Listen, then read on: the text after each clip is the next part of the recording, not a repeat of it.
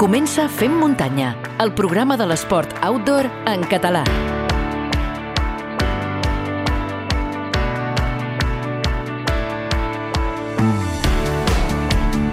Hola, benvingudes i benvinguts al Fem Muntanya, el podcast dedicat íntegrament a la muntanya i als esports outdoor. Tornem un dijous més amb un nou programa i el d'avui és el número 50. Ja portem mig centenar de programes. Moltíssimes gràcies per haver-nos escollit tant si és la primera vegada com si ens trieu de forma habitual.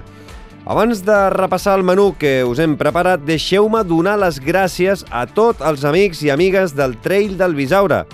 Aquest passat dissabte, 16 d'octubre, es va poder córrer una nova edició d'una de les proves millors eh, valorades a ultrascatalunya.com pels corredors. Jo l'anomeno personalment la Cegama catalana, tot i que ja portem uns quants anys que no ens trobem al fang de les primeres edicions. La clàssica Cegama té algunes característiques que la fan única, el seu fang, el seu ambient, un recorregut dur i exigent, els dorsals van ben buscats i tots els seus habitants eh, doncs, s'involucren. Doncs tots aquests ingredients els té el Trail del Bisaure. Els seus recorreguts estan ben pensats per tots els nivells i tothom pot triar la distància que millor li vagi. Els més valents van poder patir els 55 quilòmetres amb desnivells i terrenys duríssims, però alhora van gaudir de racons bisaurencs increïbles. La distància M de 22 quilòmetres, que és la que vaig fer jo, és un recorregut molt més assequible i molt més corredor, però alhora té alguns trams eh, tècnics i passaven per racons com els enigmàtics bufadors de Baví. I també hi ha la distància S d'11 quilòmetres, que és, és, és apta per eh, qualsevol corredor que vulgui iniciar-se a les curses de, de muntanya. En tots els recorreguts ens vam trobar molta gent animant i donant energia. Per tots els llocs per on passàvem ens trobàvem bisaurencs i bisaurenques que es feien seva la cursa i s'involucraven i un cop a Sant Quirze de Besora hi havia una gran festa final. L'organització ens ha mimat a tots i cadascun de nosaltres com si fóssim part de, de la família, per no parlar de les eh, poques hores que van durar els dorsals. Mm? També és una altra de les eh, característiques a tenir en compte. Per tot això i per molts altres motius que només els que hi heu corregut alguna vegada enteneu, el Trail del Bisaure és diferent, especial, que personalment li tinc una gran estima i que només puc donar les gràcies a tota aquesta gent que fa possible aquesta cursa, que ens facin passar unes hores collonudes fent l'esport que més ens agrada. Aquesta setmana vaig demanar a la comunitat Fem Muntanyera de Telegram que tots els que hi corrien al trail de, del, del Bisaure m'enviessin un àudio explicant la seva aventura i he fet una recopilació que podreu escoltar en els darrers minuts d'aquest programa. Moltes gràcies a tots per dedicar-hi uns eh, minuts. I ara sí, en el programa d'avui, que celebrem aquest mig centenar d'edicions, us hem preparat un menú llarg perquè el gaudiu a poc a poc i al vostre ritme. Començarem xerrant amb un dels millors fotògrafs de casa nostra, en Jordi Saragossa. Després ens acompanyarà la nostra BTTera preferida, l'Ada Xinxó. No ha parat i hem de repassar algunes de les curses i rutes que ha fet darrerament. Continuarem amb en Melchior Troncal, el director de la Marató del Montseny.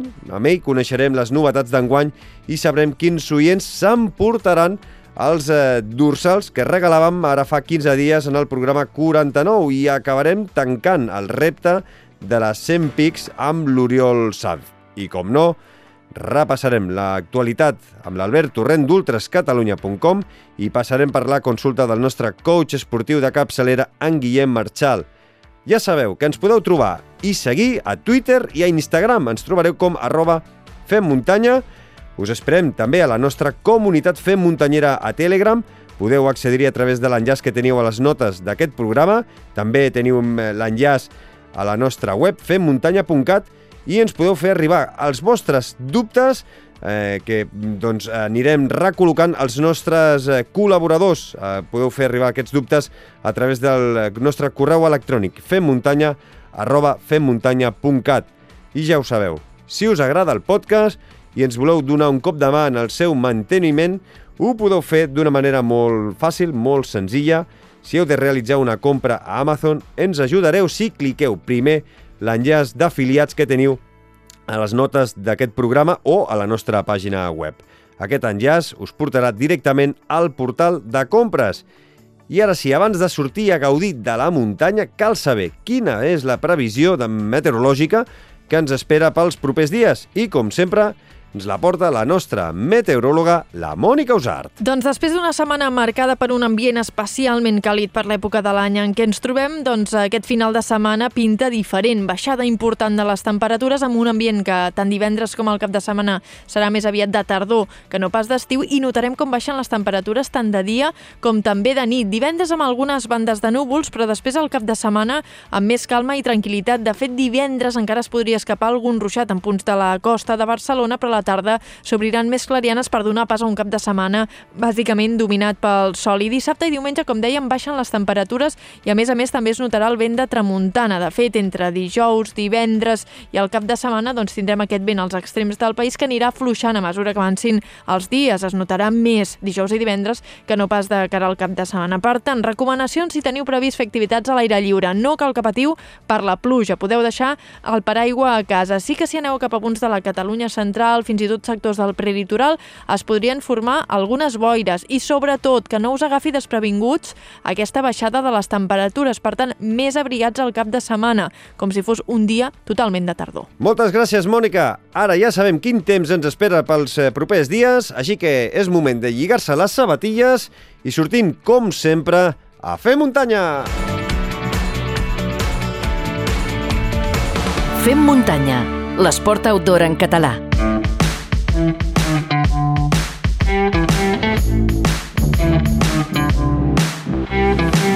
I al Fem Muntanya ens actualitzem i ho fem, com sempre, anant fins a la redacció d'ultrascatalunya.com on ens espera l'Albert Torrent. Hola, Albert. Hola, Xavi, què tal? Tenim una actualitat ben farcida i comencem eh, per la, parlant per, de les eh, finals de les Golden Trail World Series al Hierro. Sí, que es va celebrar aquest passat cap de setmana i on els millors corredors del circuit internacional de Salomon doncs, es van enfrontar en una emocionant final. La suïssa Matt Matís es va alçar amb la victòria i amb el campionat, mentre que el noruec Stian Angermund va fer valer la seva sisena posició per quedar campió en una cursa que va guanyar l'italià Francesco Pupi. I dels de casa, doncs, eh, direm que Jan Margarit i Núria Gil doncs, van participar també en aquesta emocionant final i van quedar doncs, en cinquena i vintena posició respectivament. I de les eh, final de les Golden Trail World Series eh, tenim la última prova de la Copa Espanya de la FEDME a los Tajos Sky Race.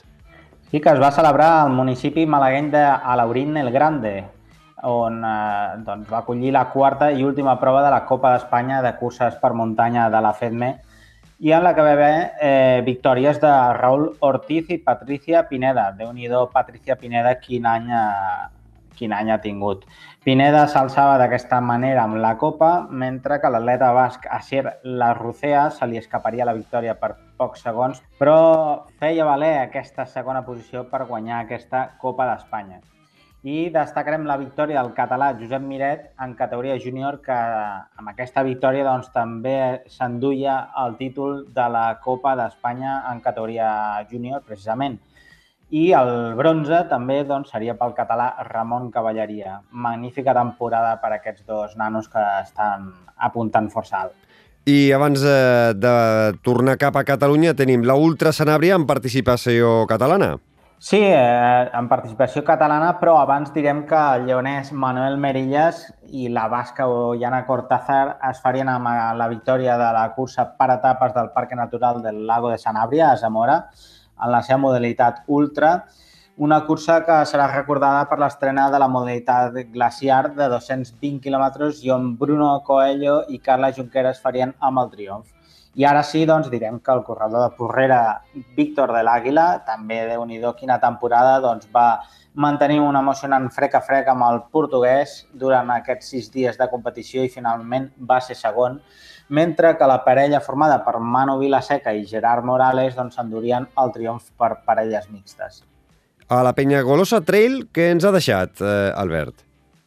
Doncs eh, que Marta Molist i Abel Carretero doncs, van lluir en la MIM, la competició clàssica d'aquesta Penyagolosa Trails de 60 quilòmetres.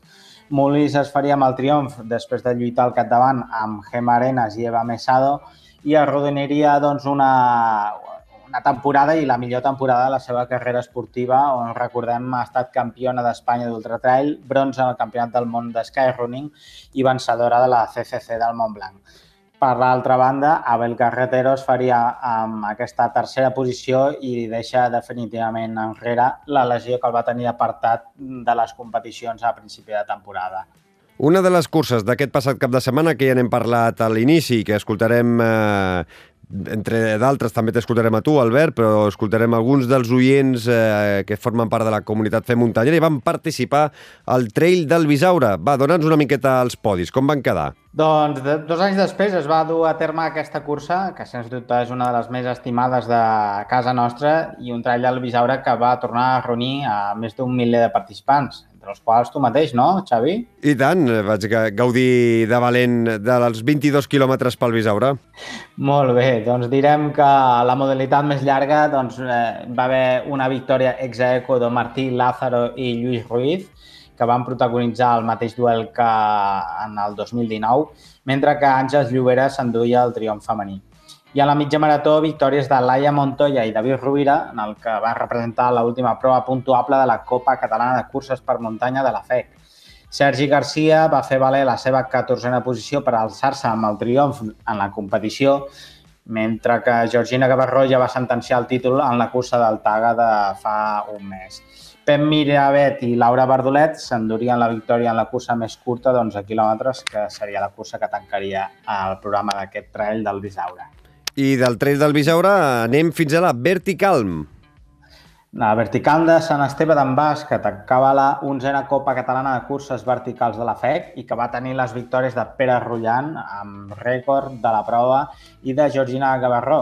Amb aquesta victòria, doncs, Gavarró també s'endú el títol de curses verticals i es converteix en la primera corredora de la història en firmar un doblet en les dues competicions déu nhi com ve carregat de l'actualitat, però abans d'acabar, a veure, eh, Aran, Bay, UTMB i BUF anuncien data ja pel 2022.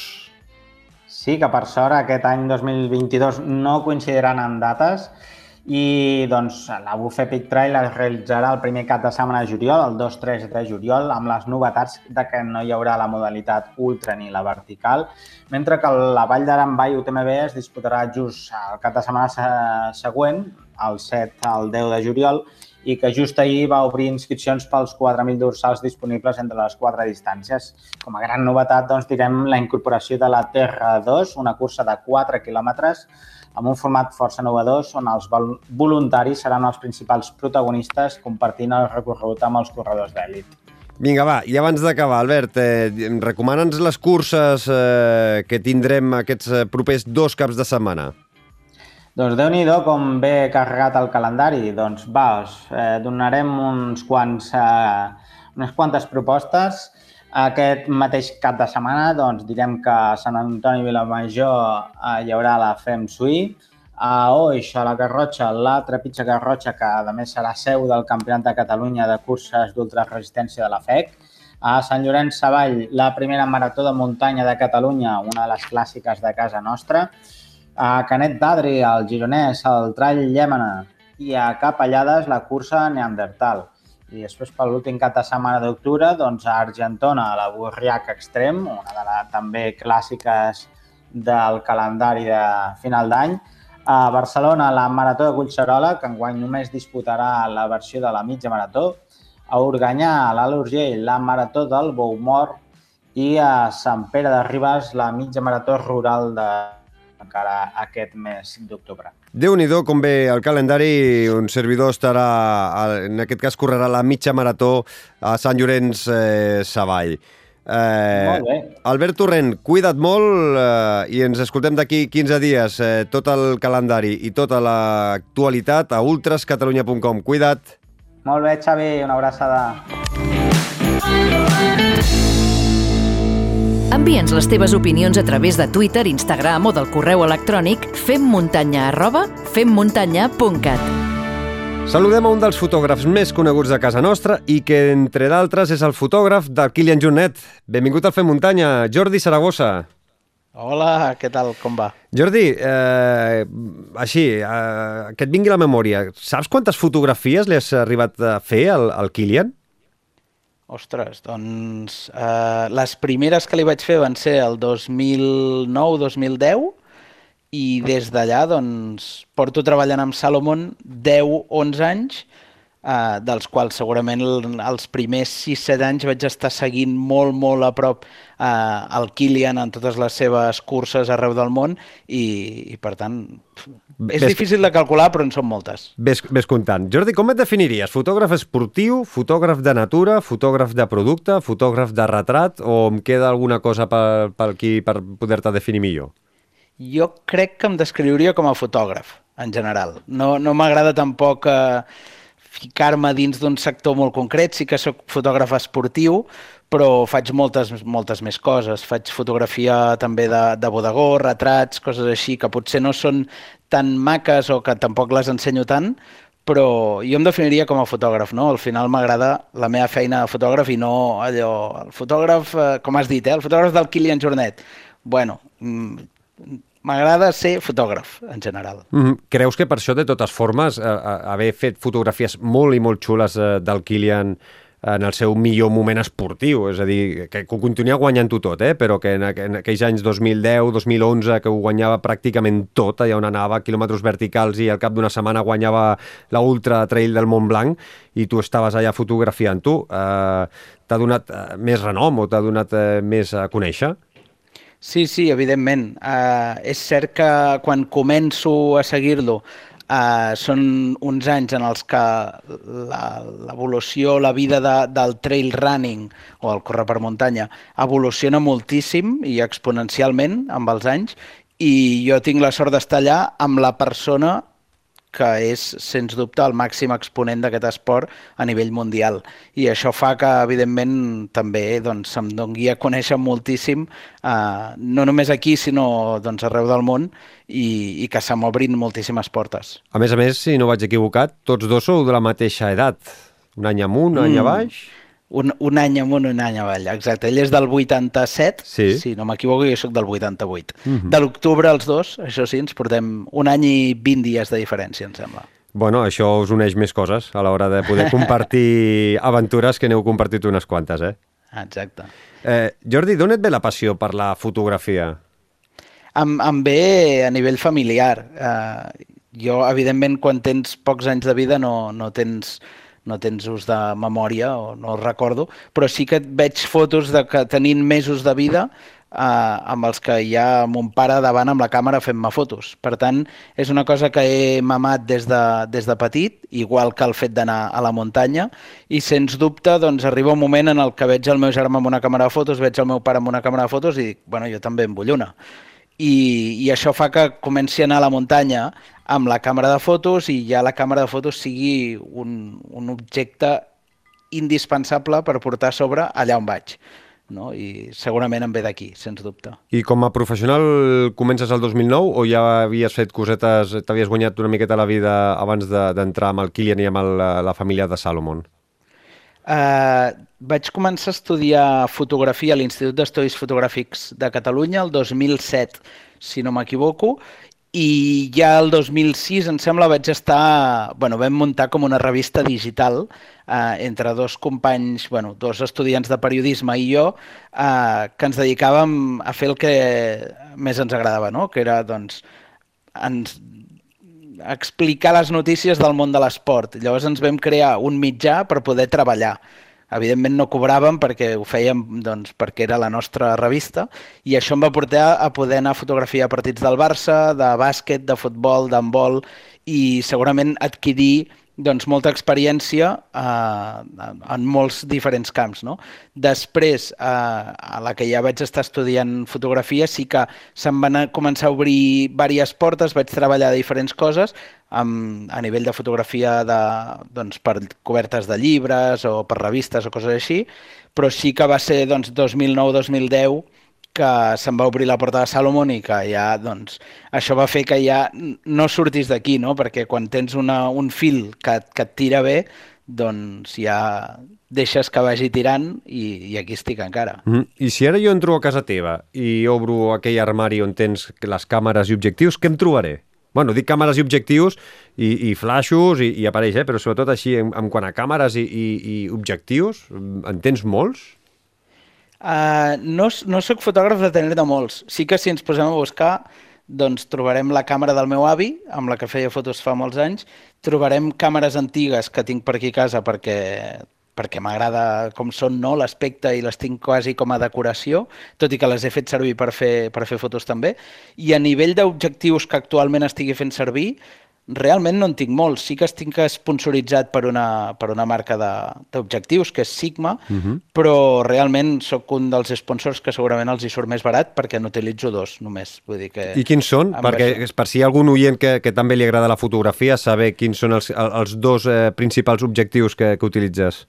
Sí, jo bàsicament el, crec que el 90-95% de les meves fotos estan fetes amb un 35 mil·límetres fixe, eh, diafragma 1.4 de, de Sigma, i després sempre porto a la motxilla un 20 mil·límetres, també 1.4 de Sigma, i després el 70-200, que és, diguéssim, l'objectiu que tot fotògraf ha de portar a sobre per lo que pugui passar. Mm -hmm. a, a, sobretot per fer fotografia més d'esport de, de, eh, amb el teleobjectiu i que és sí, el de, dos, de línia de meta el 2.8, no? Sí, sí, sí, aquest Eh, a més a més, també t'hem vist eh, córrer amb corredors, sobretot eh, darrerament aquest darrer any, sobre, gravant-los.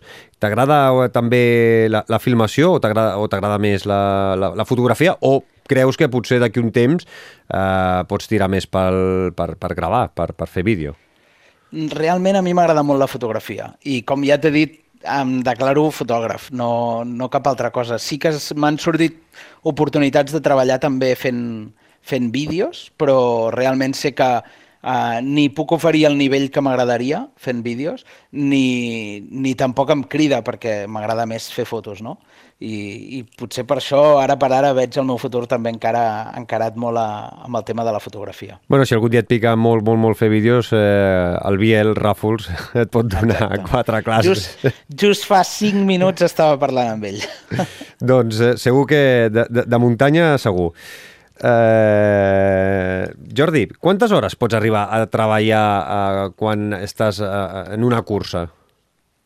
Doncs mira, ara just fa, fa poques setmanes a la Ultratrall del Mont Blanc eh, estem parlant que vaig... bueno, a més venia d'enllaçar diversos dies, no? de seguir diverses curses, però diguéssim el divendres, que és el dia que surt la UTMB, que és la prova reina, uh -huh. al matí surt la CCC i vaig, com, vaig sortir de casa, crec que a les 6 del matí, que vaig portar l'Àrids cap a la sortida de, de la CCC, eh, i per tant contem que a partir de les 6 del matí començo a estar en marxa. Vaig estar seguint tota la CCC, la meta de la CCC crec que va ser cap a les 7, 8 de la tarda, Correcte. que l'última ja havia començat, i, i just llavors vaig poder anar, diguéssim, a l'apartament, eh, canviar una mica de roba perquè havia estat seguint tot el dia doncs, eh, amb dia i per tant amb calor i totes aquestes coses, canviar una mica el kit i començar a seguir la UTMB. I la UTMB doncs, tota la nit i fins part a... de l'endemà del següent. Fins, fins a l'arribada. Exacte, fins l'arribada de la tercera noia vaig que, estar allà. Que, que serien ja les, les 8 del vespre, gairebé, 7-8 del vespre de dissabte. Sí, sí, alguna així.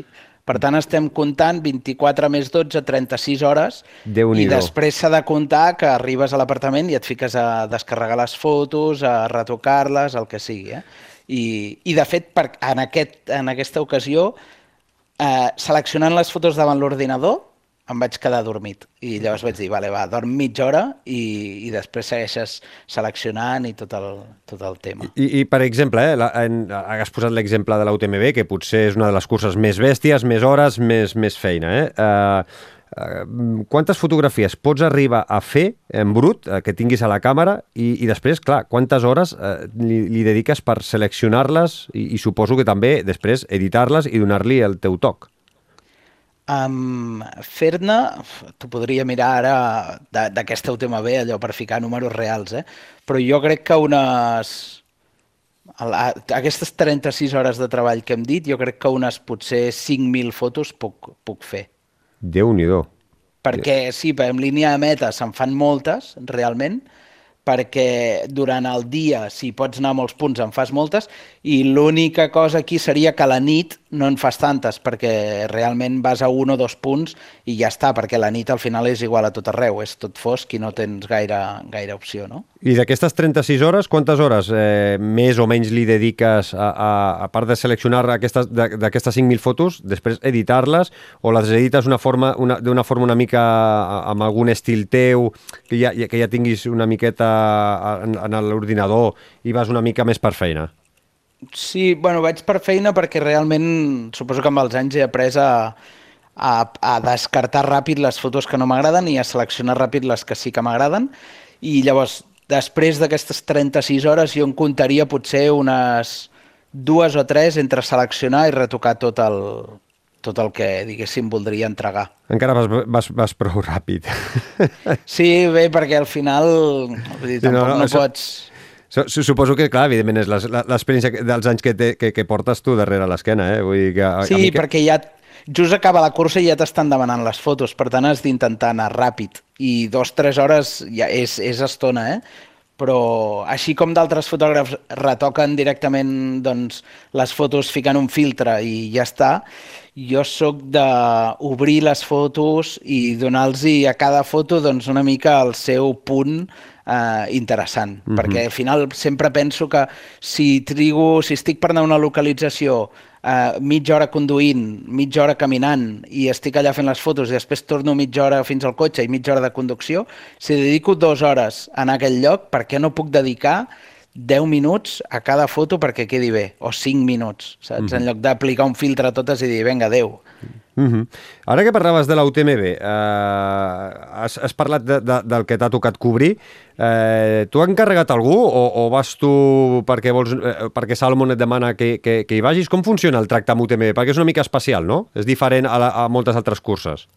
Sí, sens dubte és la cursa crec, més eh, professionalitzada i on tot està molt més detallat i, i molt més controlat i, i el que vulguis. Jo normalment, si vaig a una cursa, actualment, o vaig per l'organització, que no és el cas d'UTMB, perquè bueno, no, no entrarem a comentar res d'això, però no vols, normalment... Perquè, és a dir, si, si, si vols comentar-ho, pots comentar-ho, perquè alguna vegada t'he vist que, que has, has sigut molt, molt crític amb, amb, amb les polítiques de, de, en quant a imatges de, de la UTMB i és una de les coses que, que em crida una mica l'atenció, no? que veig que és totalment diferent a la resta de curses i que tinc la sensació, des del meu punt de vista, clar, no, jo no, no, no ho sé perquè no, no, no, no, no sóc fotògraf, no he anat mai a la UTMB, però sí que tinc la sensació de que les fotografies que tu fas no són teves, no, no sé si és així o no és així. Uh, és, és molt és, és... complicat. El, el, no, el tema és que ja he rajat molt al llarg de la meva vida de moltes coses i amb el temps aprens que tampoc no, no mereix la pena mm, gastar temps en, en, en això. No? Llavors, jo quan vaig a una cursa, normalment vaig a treballar-hi per, per Salomon, que és l'empresa que em contracta, és la marca que em paga, i, i llavors vaig, diguéssim, en aquest cas a UTMB, doncs, per crear contingut dels atletes de, de Salomon. I, I res més. El vincle amb UTMB realment és nul. Eh, jo el que tinc és amb, amb Salomon i igual amb, amb moltes altres curses, eh? Uh -huh. I aquí UTMB no, no, no hi posa cullerada, diguéssim, és a dir, tu vas per Salomon, segueixes les, els, els corredors de Salomon i punt. Bé, Salomon en aquest cas, a UTMB, ha de pagar eh, el, els drets d'imatge, és a dir, per poder utilitzar la imatge d'aquests corredors. Diguéssim que quan tu tu has corregut moltes curses perquè sí. ja també et segueixo, ja ho sé. Uh, quan tu t'apuntes a una cursa, uh, hi ha un dels punts en el reglament o un dels llocs aquells en el, quan t'apuntes que diu que cedeixes la teva imatge perquè, evidentment, si et fan una foto i queda molt guapa, doncs aquella organització la pugui utilitzar en el cartell o a la pàgina web o el que sigui, perquè és la teva imatge. Ells no podrien penjar aquesta imatge teva a internet sense que tu els hi cedissis aquesta, aquesta imatge, no? Eh, la teva imatge. Uh mhm. -huh. Llavors, a UTMB és un punt més especial perquè tu quan t'hi apuntes el que fas és que cedeixes en exclusivitat la teva imatge a UTMB. Llavors, què passa? Que una empresa com Salomon, que està pagant eh, X diners al seu corredor durant l'any per poder utilitzar la seva imatge, quan aquest corredor s'apunta a la UTMB, aquest corredor no té drets d'imatge perquè els drets d'imatge els cedeix en exclusivitat a la UTMB. Per, la, per la qual durant aquesta cursa, durant la competició, Salomon no té els drets d'imatge d'aquest corredor i, i els té UTMB. Llavors el que fa Salomon és comprar aquests drets d'imatge que el corredor ha cedit a la cursa perquè Salomon pugui publicar alguna cosa. Uh -huh. No, sé, no sé si sí, s'ha sí, entès. aquest, aquest, bueno, jo, jo ho he entès eh, perfectament, eh? Vull dir que, que, que els drets no, no... De normal, els drets els tindria Salomon, els drets d'imatge de, de, del, del corredor que tu fotografies, però que en la UTMB els drets no són de Salomon, sinó de, de la UTMB en exclusivitat. Llavors, si Salomon vol treure partit en les seves xarxes d'un corredor en un punt determinat de la UTMB, ha de pagar UTMB perquè li cedeixi el, els drets. Exacte, i llavors estem parlant de preus que crec, ara, ara t'ho dic una mica de memòria, eh, per poder utilitzar 10 fotos de la UTMB, no d'un corredor, sinó 10 fotos eh, fetes en la UTMB dels corredors que tu sol·licites poder d'això, has de pagar doncs, potser 10 o 15.000 euros. Déu ni do. Això jo crec que moltes I, i després coses que en estàs... vídeo també pots utilitzar un minut de vídeo, no sé com és, eh? ho tenen tot sí. molt, molt controlat. Déu nhi Jo crec que hi ha molta gent de, que, que de lo que estàs explicant que no ho sap i crec que és superinteressant, que quan s'apunten a, a una cursa com la UTMB, vull dir, tot el tema dels drets de- d'imatge està bé que també que, que ho sàpiguen. Sí. Uh, a la teva forma de treballar, Jordi, com planifiques una... Eh, jo sóc organitzador de cursa, et dic que vinguis.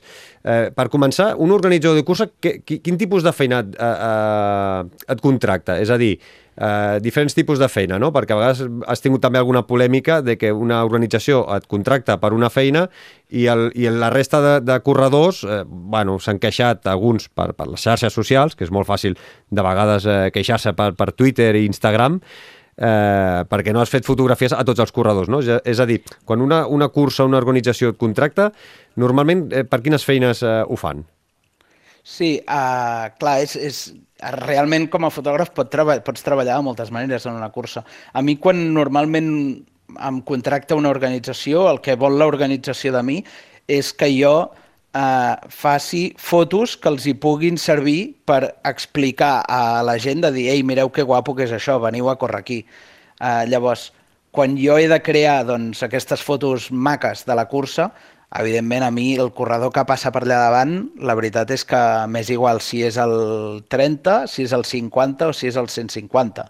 Llavors, jo vaig fent fotos i pot ser que em passi una persona per davant i no li faci la foto, pot ser que li faci la foto mm, i digui, ostres, no, no, la posició no m'agrada com ha quedat i m'esperi que passi el següent, li faci la mateixa foto i quedi bé i aquella sigui la foto bona i que després, doncs, evidentment, a xarxes digui "Ah, és que jo vaig veure que em vas disparar una foto, ja, bueno, però no va quedar bé. I llavors ja, no, aquella foto no, no l'he retocat, no, no he fet res amb ella.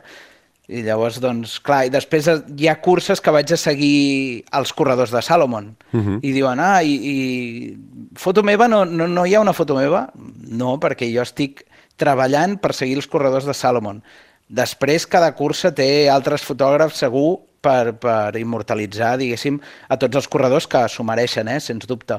Però al final cadascú fa la seva feina, no? Al final és com si anéssim a una cafeteria i ens queixéssim de per què amb ell li has portat un croissant i a mi no. Bueno, és que ell ha demanat el croissant mm -hmm. i tu no, tu no l'estàs pagant, aquest croissant, per tant, no el demanis. Hi ha molts És- corredors és- que a vegades, sí, hi ha molts corredors que a vegades volem, no?, la fotografia tipus part, part d'atraccions de PortAventura, per exemple, o el Tibidabo, i volem mm. la, que, que, que, que tots sortim eh, immortalitzats, i, i, i clar, en això són altres fotògrafs que contracten la, la cursa per fer aquesta feina i que hi ha grans fotògrafs de curses també que fan grans fotos a tots Exacte. els corredors i que estan a vegades eh, són, en alguna, algunes curses doncs, són gratis, estan a la web de, la- de la cursa mm -hmm. i d'altres doncs, les pagues a part. Això ja depèn Exacte. cada, cada cursa. Eh, com planifiques eh, una jornada en una carrera? Des de que et diuen, escolta, has d'anar a tal cursa, com la planifiques, com saps on aniràs, quin serà el millor punt per fer la foto i, en quin, i quin serà el millor moment? Perquè això, evidentment, eh, ja ho saps tu, no? que, que es depèn, si és al matí um, serà més maco potser que al migdia, però al migdia li podràs treure. És a dir, com planifiques tu mentalment la teva jornada? Uh, parlant a nivell global del que faig normalment, el 90% de les vegades que estic fotografiant una cursa, com bé he dit, estic seguint els corredors de Salomon i per tant estàs seguint el cap de cursa. Llavors el moment de fer la foto és molt... Pensar en el moment és molt estèril perquè has de pensar en quin moment passaran per allà els corredors. Eh, no, no és que tu triïs l'hora, sinó que ells passen a tal hora i per tant has d'estar allà a tal hora si és que el lloc on vols fer la foto és aquell. I llavors per mirar el punt maco, doncs eh, l'ideal és anar uns dies abans allà a la cursa, si, si és que no me la conec ja, eh, per poder anar a mirar alguns punts. I en cas que no hi hagi opció, doncs una opció molt, molt fàcil és carregar el track de la cursa al Google Earth i llavors el Google Earth té fotos geolocalitzades i pots fer-te una idea de com és cada lloc del recorregut i dir, vale, doncs mira, aquí puc anar-hi, aquí em dóna temps perquè aquí trigaran tanta estona i després puc anar-me en aquest altre punt. Té, té un punt que jo crec que és molt ocult, Uh, jo crec que la gent es pensa que els fotògrafs anem a les curses i anem, pugem a dalt la muntanya i fem una foto i ja està, però evidentment hi ha una feina de dies previs de buscar, no? de dir, ostres, potser la foto maca no és a dalt de tot de la muntanya i és 100 metres més avall, saps? I eh, tota aquesta feina, mm -hmm. evidentment, és de planificació bastant interessant, també. Mm -hmm. uh, a més a més, uh, si, si ho fas de nit, uh, has d'anar més carregat perquè ja has de comptar els, uh, els flashos i tot això, no? Mm. Sí, de fet, ara també, com que estem parlant molt de l'UTMB perquè fa poquíssim, uh, realment el, el punt on vaig anar a fer la foto nocturna anava carregat amb, amb la càmera, amb tres objectius, el, els que he dit abans, amb dos flaixos, amb els trípodes pels flaixos, anava carregat, jo crec que la motxilla pesava 18 quilos, potser, aquest cop. 18 quilos? I quantes hores eh, pots arribar a caminar per posar-te en el punt aquell que tu saps que quedarà la foto collonuda? Crec que vam estar, no sé si una hora i mitja pujant. I després baixant i, i vaig a un altre punt. Sí, sí, sí. I, I això comptant el que hem dit abans, eh, que portava 24 hores ja sense dormir. Mm, I entrenes, Però... en, eh, entren, eh, i, o sigui, tu, jo et segueixo per Strava i, ve, i veig que surts a córrer i fas una miqueta de bici, sobretot corres molt, també. Uh, sí, ara poc, ara poc perquè no hi ha temps. No hi ha però... temps, però, però eh, surts a entrenar amb la motxilla amb quilos a darrere? O, o, no, no, no, no. Surts a córrer a disfrutar també, eh? Exacte. L'entrenar amb motxilla és uh, a cada cursa, no? Perquè al final a cada cursa t'has de... A algun lloc has d'anar i, i vas sempre carregat, però aquesta, aquest moment de lo de l'UTMB que he dit és excepcional, eh, portar tant de pes, i sí que tri vam trigar una hora i mitja, però vam dir, a quina hora passen per dalt? A les 4 i mitja de la matinada? Doncs tranquil, sortim amb temps i anem caminant tranquil per no suar. A vegades la gent bueno, la gent, no sé, jo és que ho tinc... En lloc d'anar just, saps? Prefereixo pujar molt lentament per no suar, perquè si arribes a dalt del Gran Colferret a les 4 de la matinada i has fumut la suada del segle... Pots, pots quedar-te mm, ben glaçadet a dalt, eh? Exacte. Llavors es tracta de dir, ei, anem tranquils, no suem o portem una samarreta de recanvi, però clar, també és més pes, que és realment el que vaig fer en, aquest, en aquesta ocasió, perquè per lent que vagis, quan vas tan carregat, sues igualment. I què és el més difícil però, sí, sí. De, de, de la teva feina? Les condicions eh, meteorològiques adverses, el, el fet de caminar portant pes, els nervis que pots portar per saber que has d'arribar en un punt, què és el que creus que és el més complicat, el que, allò que t'agrada menys de la teva feina? Jo, jo crec que el més complicat de la meva feina sí que tot el que has dit realment és complicat, però si hi ha algun fotògraf que ens està escoltant, estarà d'acord amb mi que el més complicat és trobar clients que valorin la teva feina i que la vulguin pagar. Jo he tingut moltíssima sort eh, amb Salomon i en sóc conscient, però realment crec que el, aquest sector i, i el que comentàvem abans, no? gent que s'enfada perquè no té la seva foto, normalment els que més s'enfaden són els que després menys disposats estarien a pagar per aquesta foto. Eh? Uh, I així igual amb clients doncs, que intenten buscar uh, fotògrafs barats, clients, agències, marques, el que sigui, eh, que intenten buscar fotògrafs barats o, o gratuïts a canvi de donar-los no sé què, això per una part, i després l'altra part complicada, evidentment, és els fotògrafs que accedeixen doncs, a aquests eh, xantatges per part de marques, agències, ja sigui, doncs, home, doncs vine que treballaràs amb tal atleta o vine que et donarem unes bambes i que ells també accedeixen. Jo crec que la part més complicada és lidiar amb tot això. I de la gent que eh, agafa prestades, per dir-ho suaument, eh, fotografies teves o de qualsevol altre fotògrafs per utilitzar en notícies o utilitzar en xarxes o inclús fer-se eh, passar per, per seves, eh, d'això què en penses?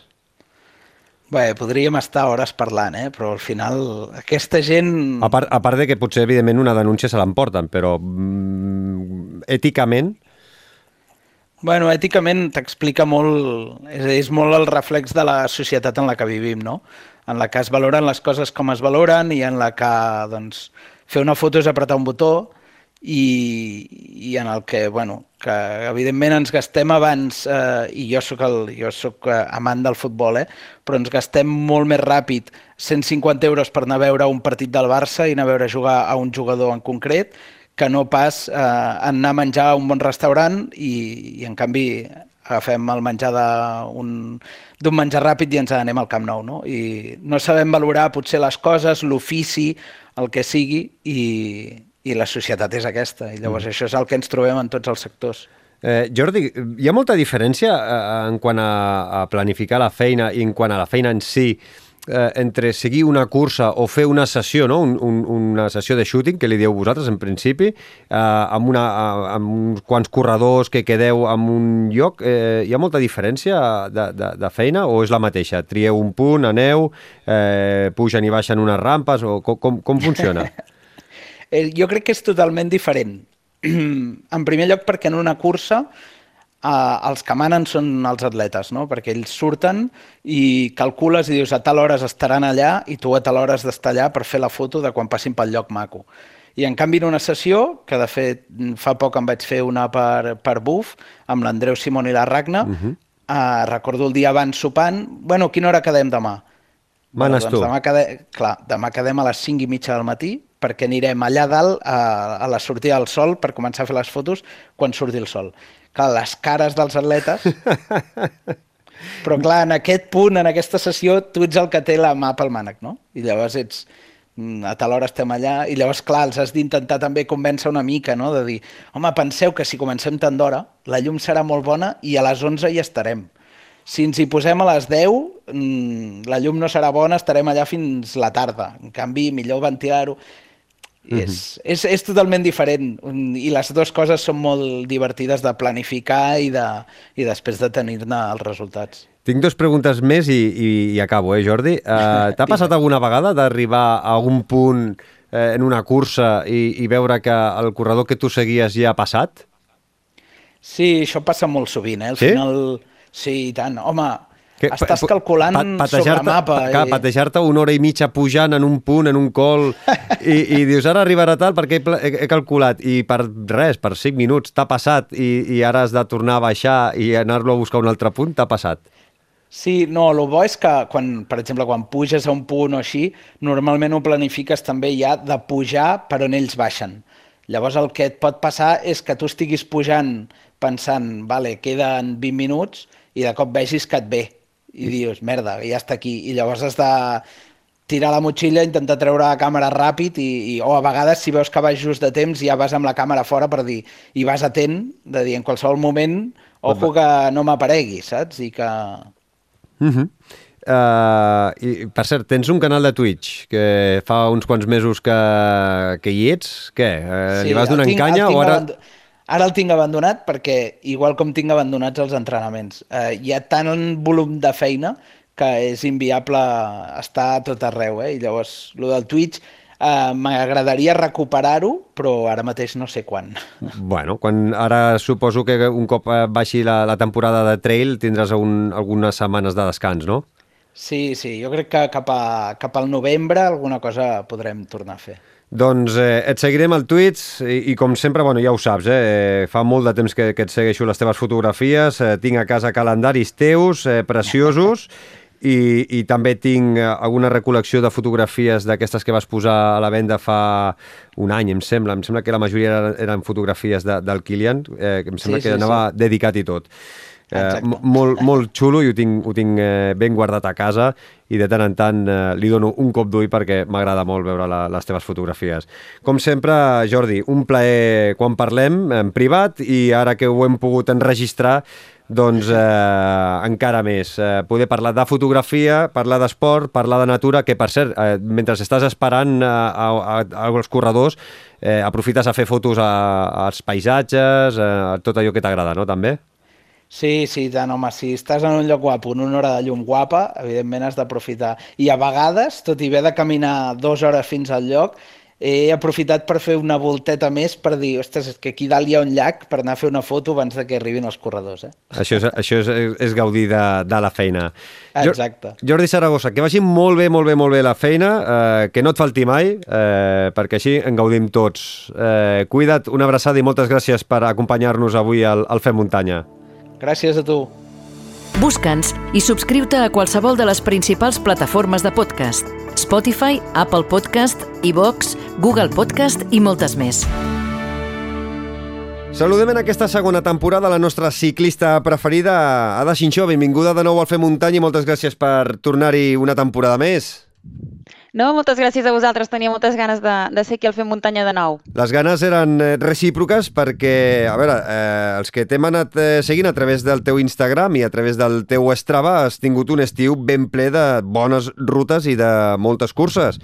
Ja en el capítol 46, en l'últim de la temporada passada, ja ens vas explicar la, la teva darrera aventura, l'Envy Race Ultime. Recomanem que, que la recupereu perquè de vegades les curses no acaben eh, com les tens planejades, però sempre va bé escoltar-te eh, quan les coses no surten com vols i és molt interessant i va ser molt interessant aquella conversa. Eh, has continuat fent curses a França, en aquest cas eh, has fet la Chemins du Soleil amb la Leticia Roig i la Pire Epic amb la teva parella, el Santi. Primera pregunta obligada. Què tenen d'especial les curses franceses que sempre estàs allà, eh? Doncs sí, la veritat és que, bueno, tant a Santi com a mi ens agraden molt les curses de, de, de BTT a França perquè són molt, molt tècniques. A nosaltres ens agraden els corriols, els senders, um, bueno, gaudeixo moltíssim de, de l'autèntica muntanya, de la muntanya pura i dura i, i la veritat és que allà doncs, trobem recorreguts que, que, que ens agraden molt, que ens aporten aquesta vessant. No vol dir que aquí no n'hi hagin, perquè hi ha curses també d'aquest tipus, però no n'hi ha tantes, sempre hi ha uh, trams amb bastanta pista o això costa de trobar-ne que siguin així allò 90%, 90 sender. I a part, doncs, també doncs, eh, busques paisatges nous, eh, bueno, una miqueta de, de diversificar, no? Mm -hmm. Comencem per la Chemins du Soleil, que és la primera que, que vas eh, fer aquest mes d'agost. Quan la vau fer i quin tipus de cursa és? Val, doncs la Xemins és una cursa, bueno, va ser el del 26 al 29 d'agost, si no m'equivoco, i és una cursa que s'ha de fer amb, amb parelles. Llavors són uh, tres etapes i més un pròleg nocturn que es fa a la primera nit i, i doncs això, doncs, uh, l'has de fer amb, amb parelles. I en aquest cas vaig anar amb la Letícia Gu, que bueno, vaig parlar d'ella a principis de, del Fer Muntanya, em sembla que no sí, sé si tant. va ser, el, va ser el primer o el segon diria, programa. Diria ser, si no vaig equivocat, va ser el primer. Doncs imagina't, tota una, una campiona d'esquí de, de muntanya i res, teníem pendent, eh, pel tema del Covid no vam poder fer una cursa que havíem de fer a, a Croàcia també per parelles de BTT i em va proposar de fer les Xemins, jo ja l'havia fet en, dues ocasions més eh, de parella amb el Santi i no li vaig poder dir que no, és una cursa que m'agrada molt, que m'atrau i dic, doncs vinga, amb ella em va tocar perseguir-la durant quatre etapes eh, per les muntanyes perquè és una cabra boja li, li fot i va fort o no? a tope. Sí, sí, per molt que digui que no entrena, que ella està retirada, que d'això, eh, qui en tuvo, retuvo, i comparat amb el meu nivell em va tocar suar la cancel·lada. Són eh, tres etapes més eh, un pròleg nocturn. On es fa aquesta cursa, aquesta Chemins du Soleil? Vale, doncs uh, es fa a, a GAP, a la zona de GAP, i sempre canvien, bueno, van canviant una miqueta els recorreguts i els sentits de, el de la cursa, però bueno, aquest any anava de, sortia de GAP i anàvem cap a la zona del Mont Ventoux. De fet, una de les etapes, havíem, de l'última etapa havíem de pujar al Mont Ventoux, però pel tema de que estava tot molt sec i el risc d'incendis no, van haver de canviar a l'etapa final i no vam pujar dalt, el típic Mont Ventoux, que diríem que la gent el coneix molt per Tour. el ciclisme de carretera. Doncs eh, allà havíem de pujar. Mm, Déu-n'hi-do, és molt terreny? O sigui, és, és un terreny molt, molt eh, eh, tècnic o, o, o es pot fer bé? Ah, és, és tècnic, vull dir, si no t'agraden les pedres, els senders i els corriols entretinguts, eh, no vagis a una cursa d'aquest tipus, perquè, mm, eh, vull dir, el- ells el que busquen és això, no? Vull dir, no, intenten evitar al màxim el que són pistes amples i com eh, més eh, revirat i, i tècnic sigui, millor, no? Fins i tot l'etapa nocturna eh, és bastant corriolera i, i té baixades eh, tècniques. Uh, quin quilometratge aproximadament us va sortir en els tres dies i, i, i desnivell positiu? Doncs ens van uns 230 quilòmetres vam fer i de desnivell positiu amb totes les etapes eh, més de 8.000, uns 8.250 o alguna coseta així. No són etapes fàcils, vull dir... No, no, un- Déu-n'hi-do. I quantes hores eh, vau Sí, dedicar-li sí. per, per fer aquests 200 quilòmetres i, i 8.000 positius? Sí, jo, jo recordo la primera etapa que um, la vam lluitar molt perquè al principi bueno, l'altra parella de, una altra parella de noies ens va passar molt aviat i al final les vam veure i vam aconseguir um, passar-les i això, però se'n va fer llargueta perquè eren 89 quilòmetres amb gairebé 3.000 metres de desnivell, amb 2.900 i pico, i crec que vam fer una mica 6 hores i quart o, o una cosa així. Aquesta era la, la més llarga. Mm -hmm, Déu-n'hi-do. I, I us va anar bé en general? Eh, com, com us vau trobar? Bueno, jo ja et dic, vaig anar molt a, a remolc de la Leti, no? Eh, intentant doncs, eh, donar-ho tot a les pujades perquè ella eh, tenia un punt més que jo i llavors ho vaig gaudir moltíssim baixant, vaig disfrutar moltíssim baixant perquè suposo que de l'esquí de muntanya ella encara que no hagi fet les baixades les sap llegir molt fàcil i baixa molt ràpid, té molta tècnica i això que les llegeix, eh, suposo intuïtivament, la, no sé, és- brutal anar darrere d'ella baixant perquè mm, ho fa molt bé, no? I llavors jo em posava darrere i, i res, a seguir-la. I no, jo, jo només anava pensant que no falli ella perquè si no ens fumem una, una llenya les dues que, que no vegis, no?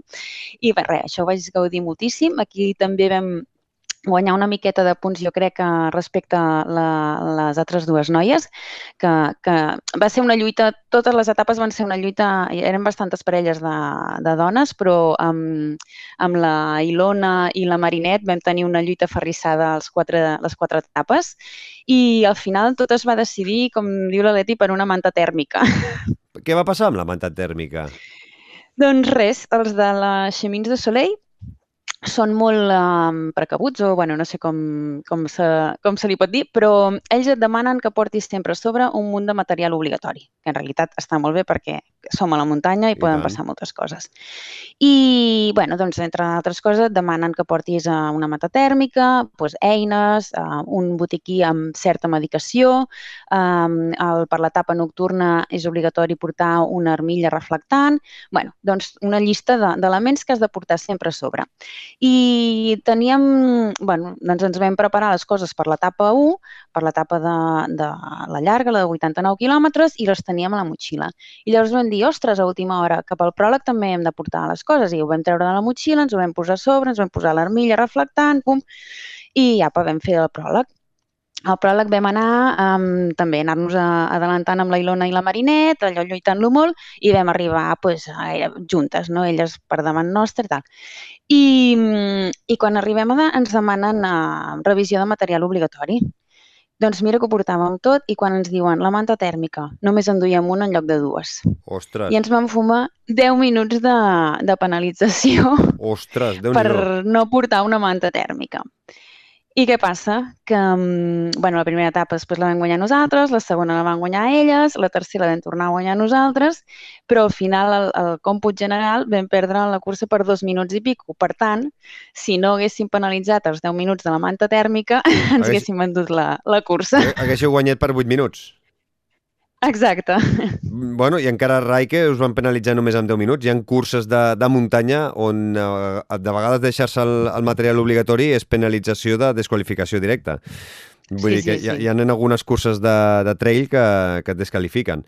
Déu nhi I, I on dormíeu entre, entre etapes? Eh, al, al mateix poble de, de Gap o, o, o anàveu saltant no. diferents eh, pobles? Anem, sí, anàvem canviant en diferents poblets bastant uh, petit, petits i sempre es fa amb, amb campament. O sigui, tu deixes al matí, primera hora, deixes una motxilla i la tenda de campanya a l'organització i ells te la mouen a, al poble següent. Total, que arribes allò cansat i això, i vinga, munta la tenda, bueno, busca, vés a buscar vés la tenda buscar. de campanya la teva motxilla, troba un lloc adequat, munta, i llavors res, tota la, la típica logística de, de cursa per etapes que, que dorms en campament, no? Que, bueno, també té el seu encant i la seva gràcia I si aconsegueixes i les, i les dormir bé. I les tendes eren vostres o, o eren de l'organització? Les tendes són nostres. Sí que hi ha una opció d'inscripció que inclou la tenda. Això és com una, una inscripció VIP, diguéssim, que pots demanar-te ja que ells et portin a una tenda d'ells i em sembla que també deu incloure pues, massatge o, o que et rentin mm. la bici. No ho sé ben bé perquè no, no ho he mirat, no? Mm. Però en principi la majoria de gent eh, es porta el seu, la seva tenda i, i tot. I anàveu amb, amb assistència? És a dir, per exemple, el Santi us feia l'assistència d'alguna forma o anàveu vosaltres do, dues soles eh, a pelo? No, anàvem nosaltres dues soles. Dues valentes, dir, tens, sense, sense cap mena d'assistència. Tens avituallaments, bueno, tens els avituallaments típics de cursa i això, i si vam tenir alguna punxada, i, doncs ho, ho arregles com bonament pots i, i ja està. I com que no et vas quedar mm, satisfeta, a pocs dies després eh, participes amb el Santi a la Pir Epic, no?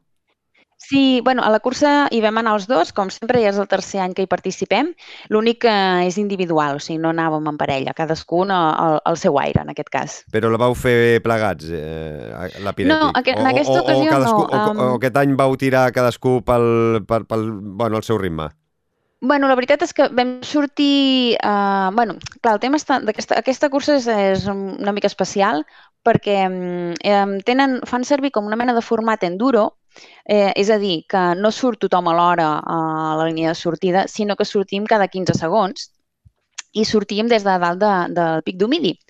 I bueno, vam sortir, la veritat és que teníem uns dorsals molt, molt propers i, surt, i vam sortir res, un darrere l'altre, com aquell que diu, i la primera baixada sí que la, la vam fer junts i vam començar la, la pujada també junts. Però el Santi, el primer avituallament, em va dir, diu, no estic massa, bé, massa fi de la panxa, tira tu, que, que jo no sé, que aniré fent el meu aire més tranquil·lament.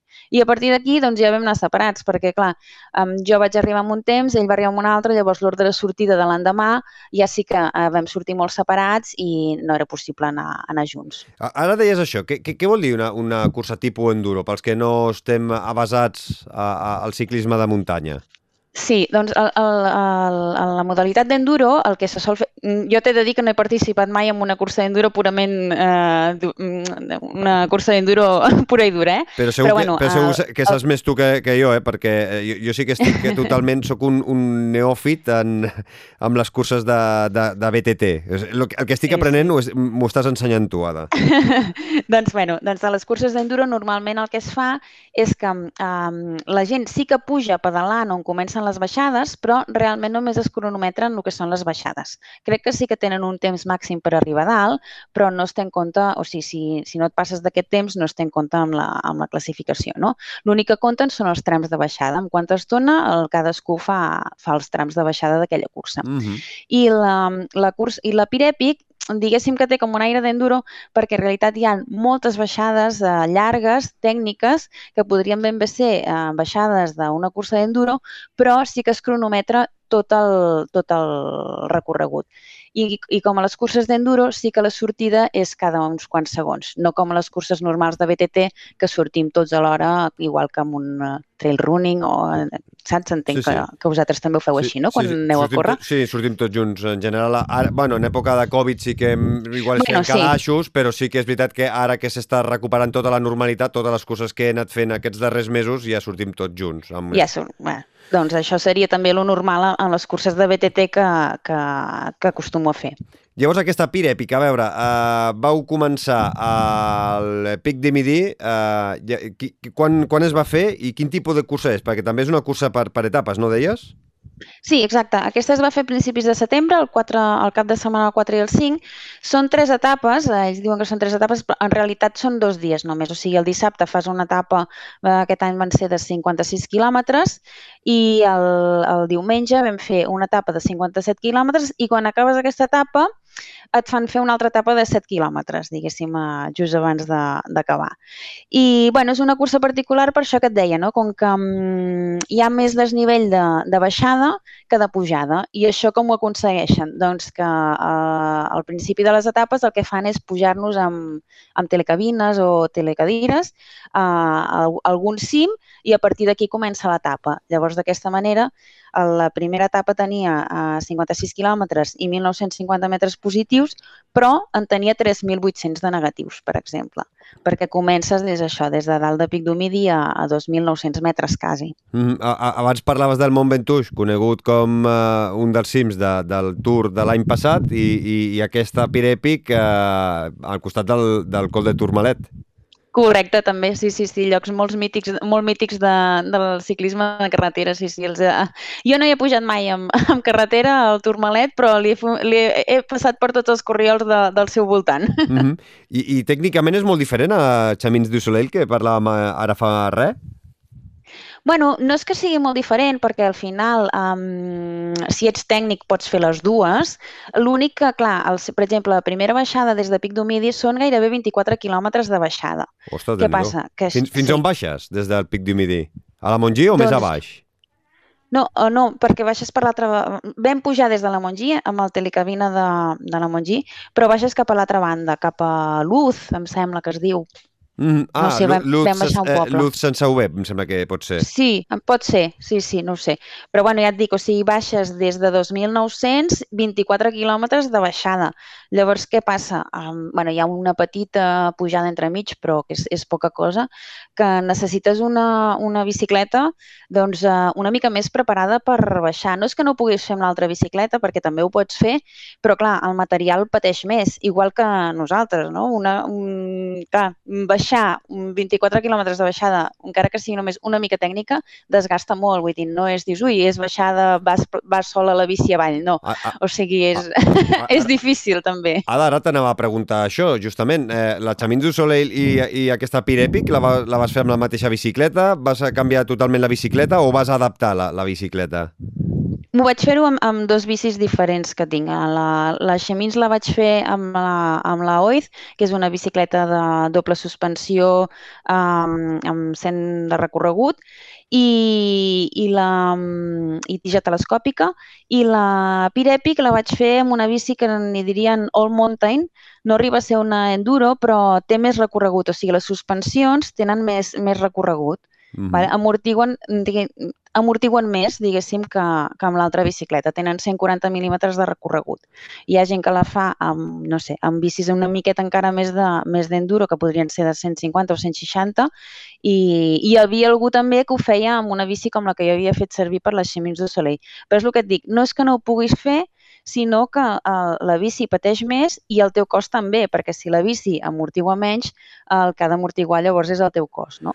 Llavors um, és més còmode fer-ho amb una bici um, amb més suspensions, tot i que llavors a l'hora de pujar um, són bicis que, que pesen més. La temporada passada vam parlar de les diferències entre una bici BTT i una de gravel, sobretot eh, les grans diferències que hi havien i què és el que es pot fer amb una bici i amb una altra, i jo crec que un dia li podríem dedicar eh, uns minuts a parlar de diferents eh, bicicletes de, de BTT, entre BTT, enduro, diferències, doncs, això, que, és a dir, per exemple, si algú que corre per la muntanya o que li interessa la muntanya d'una altra forma, eh, el ciclisme a la muntanya, doncs saber quin tipus de bicis eh, eh, es pot comprar, si és que es poden comprar, perquè actualment la, el fet de comprar bicicletes està bastant complicat. Sí, és, és molt complicat. Actualment Tot això del Covid difícil. no ha passat factura només a la salut, sinó que sí, sí. el tema del, del material material costa de creure, però és com una odissea, també. No, eh, amb la bicis de carretera vaig intentar comprar-me una, ara ja és eh, anècdota personal. Vaig anar a intentar, abans de vacances, a comprar-me una bici de carretera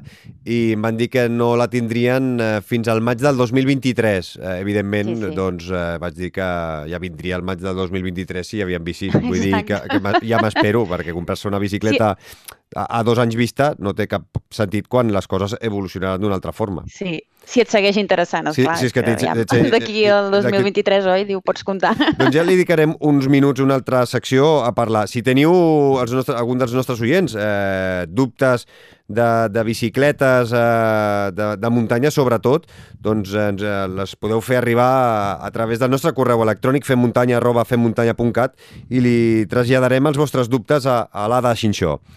Eh, va, vaig acabar, Ada. Uh, quina Sí. de les dues eh, carreres recomanaries si haguessis de recomanar només una? La Chamins du Soleil o la Pir Epic?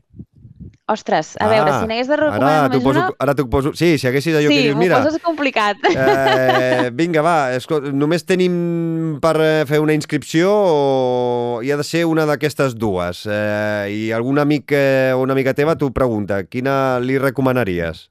Vale, si de, bé, entre aquestes, mm, sigui una o l'altra, ha de ser una persona que sigui tècnica. Vull dir, si és una persona que, que fa només pista, no li recomanaria ni l'una ni l'altra, perquè ho, ho passarà malament.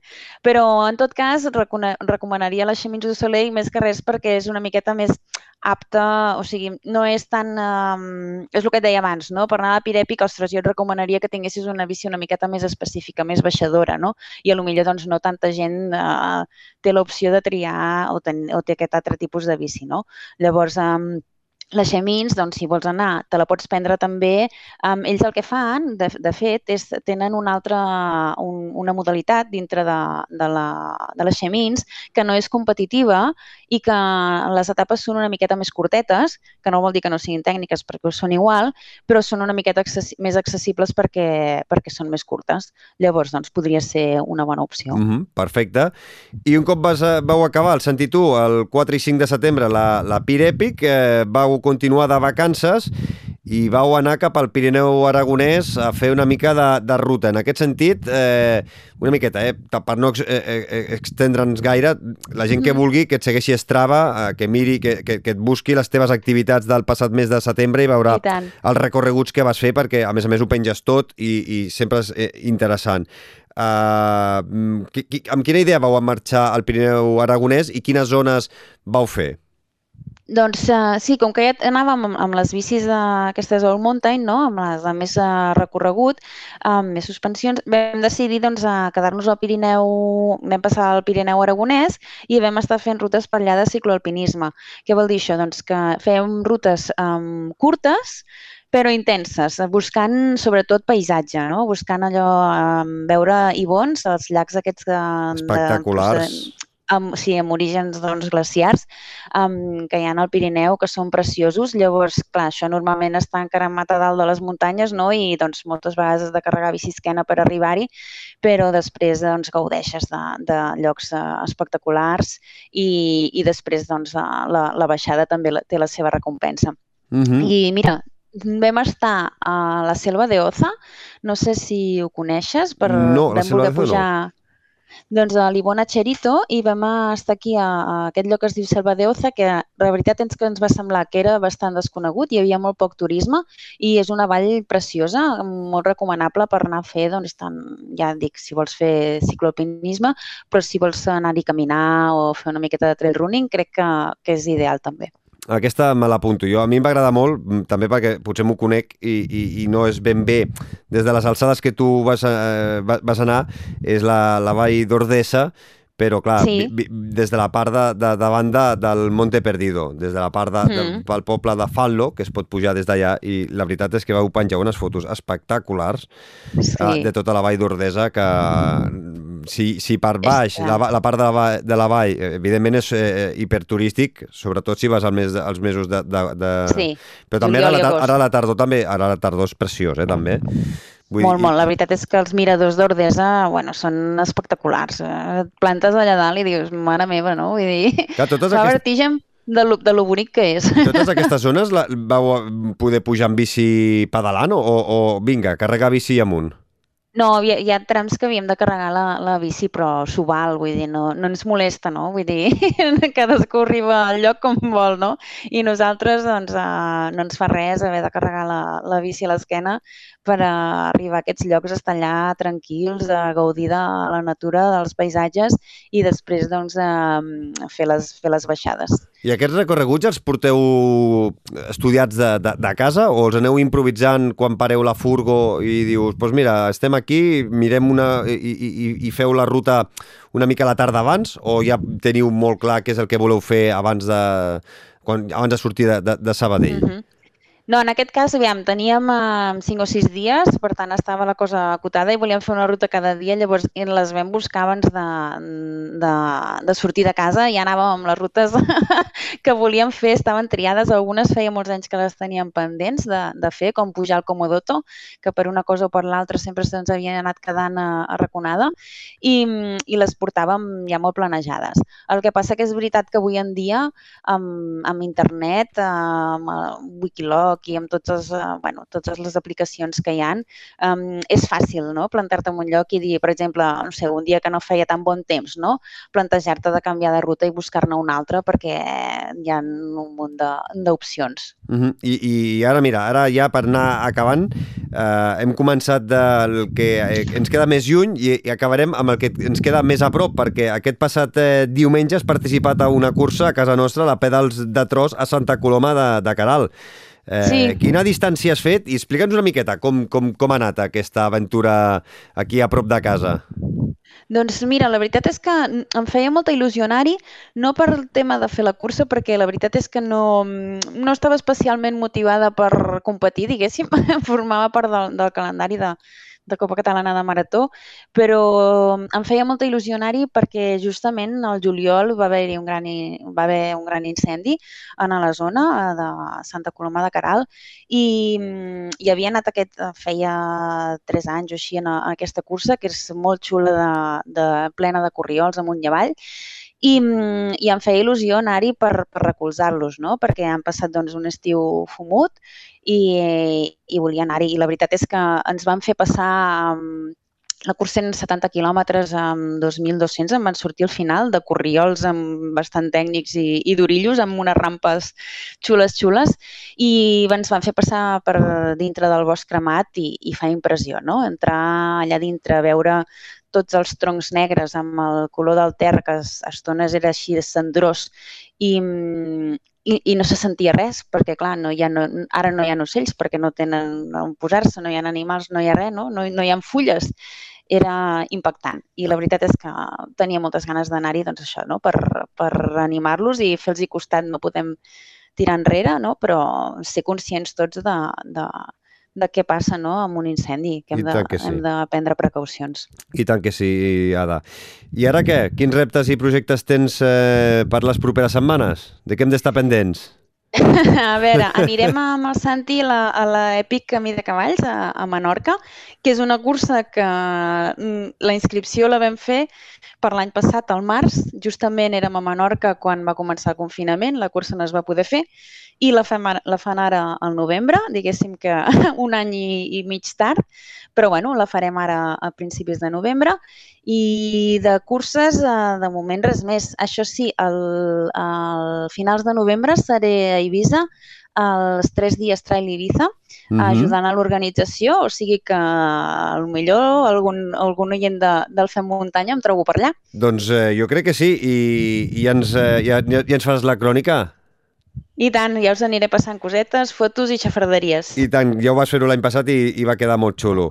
Doncs Ada Xinxó, la nostra BTTera de referència, moltíssimes gràcies per eh, acompanyar-nos una temporada més, un dia més, i la gent doncs, ja, ja ho sap, eh? et pot trobar a Instagram i a Strava i allà veurà doncs, eh, totes les teves bogeries i, i podrem mm, des de casa reviure tot el que fas. Cuida't, fins a la propera, una abraçada. Moltes gràcies i felicitats pel programa 50. Busca'ns i segueix-nos a Twitter, Instagram i a Telegram. Moment ara al Fem Muntanya de saludar el director de la Marató del Montseny, Melció Troncal. Què tal, com estàs? Hola, bona tarda, molt bé, vosaltres? Molt bé, benvingut al uh, Fem Muntanya. Uh, la Marató del Montseny podríem dir que és una de les clàssiques uh, de cada tardor, tot i que l'any passat uh, no es va poder córrer, i aquest any celebreu la desena edició, és així, no? És així, és així. Aquest any fem la desena edició, tot i que portem 11 anys. Eh, el que passa que pel, que pel que has comentat tu ara mateix, doncs, com la gran majoria d'esdeveniments, de, l'any passat no, no vam poder.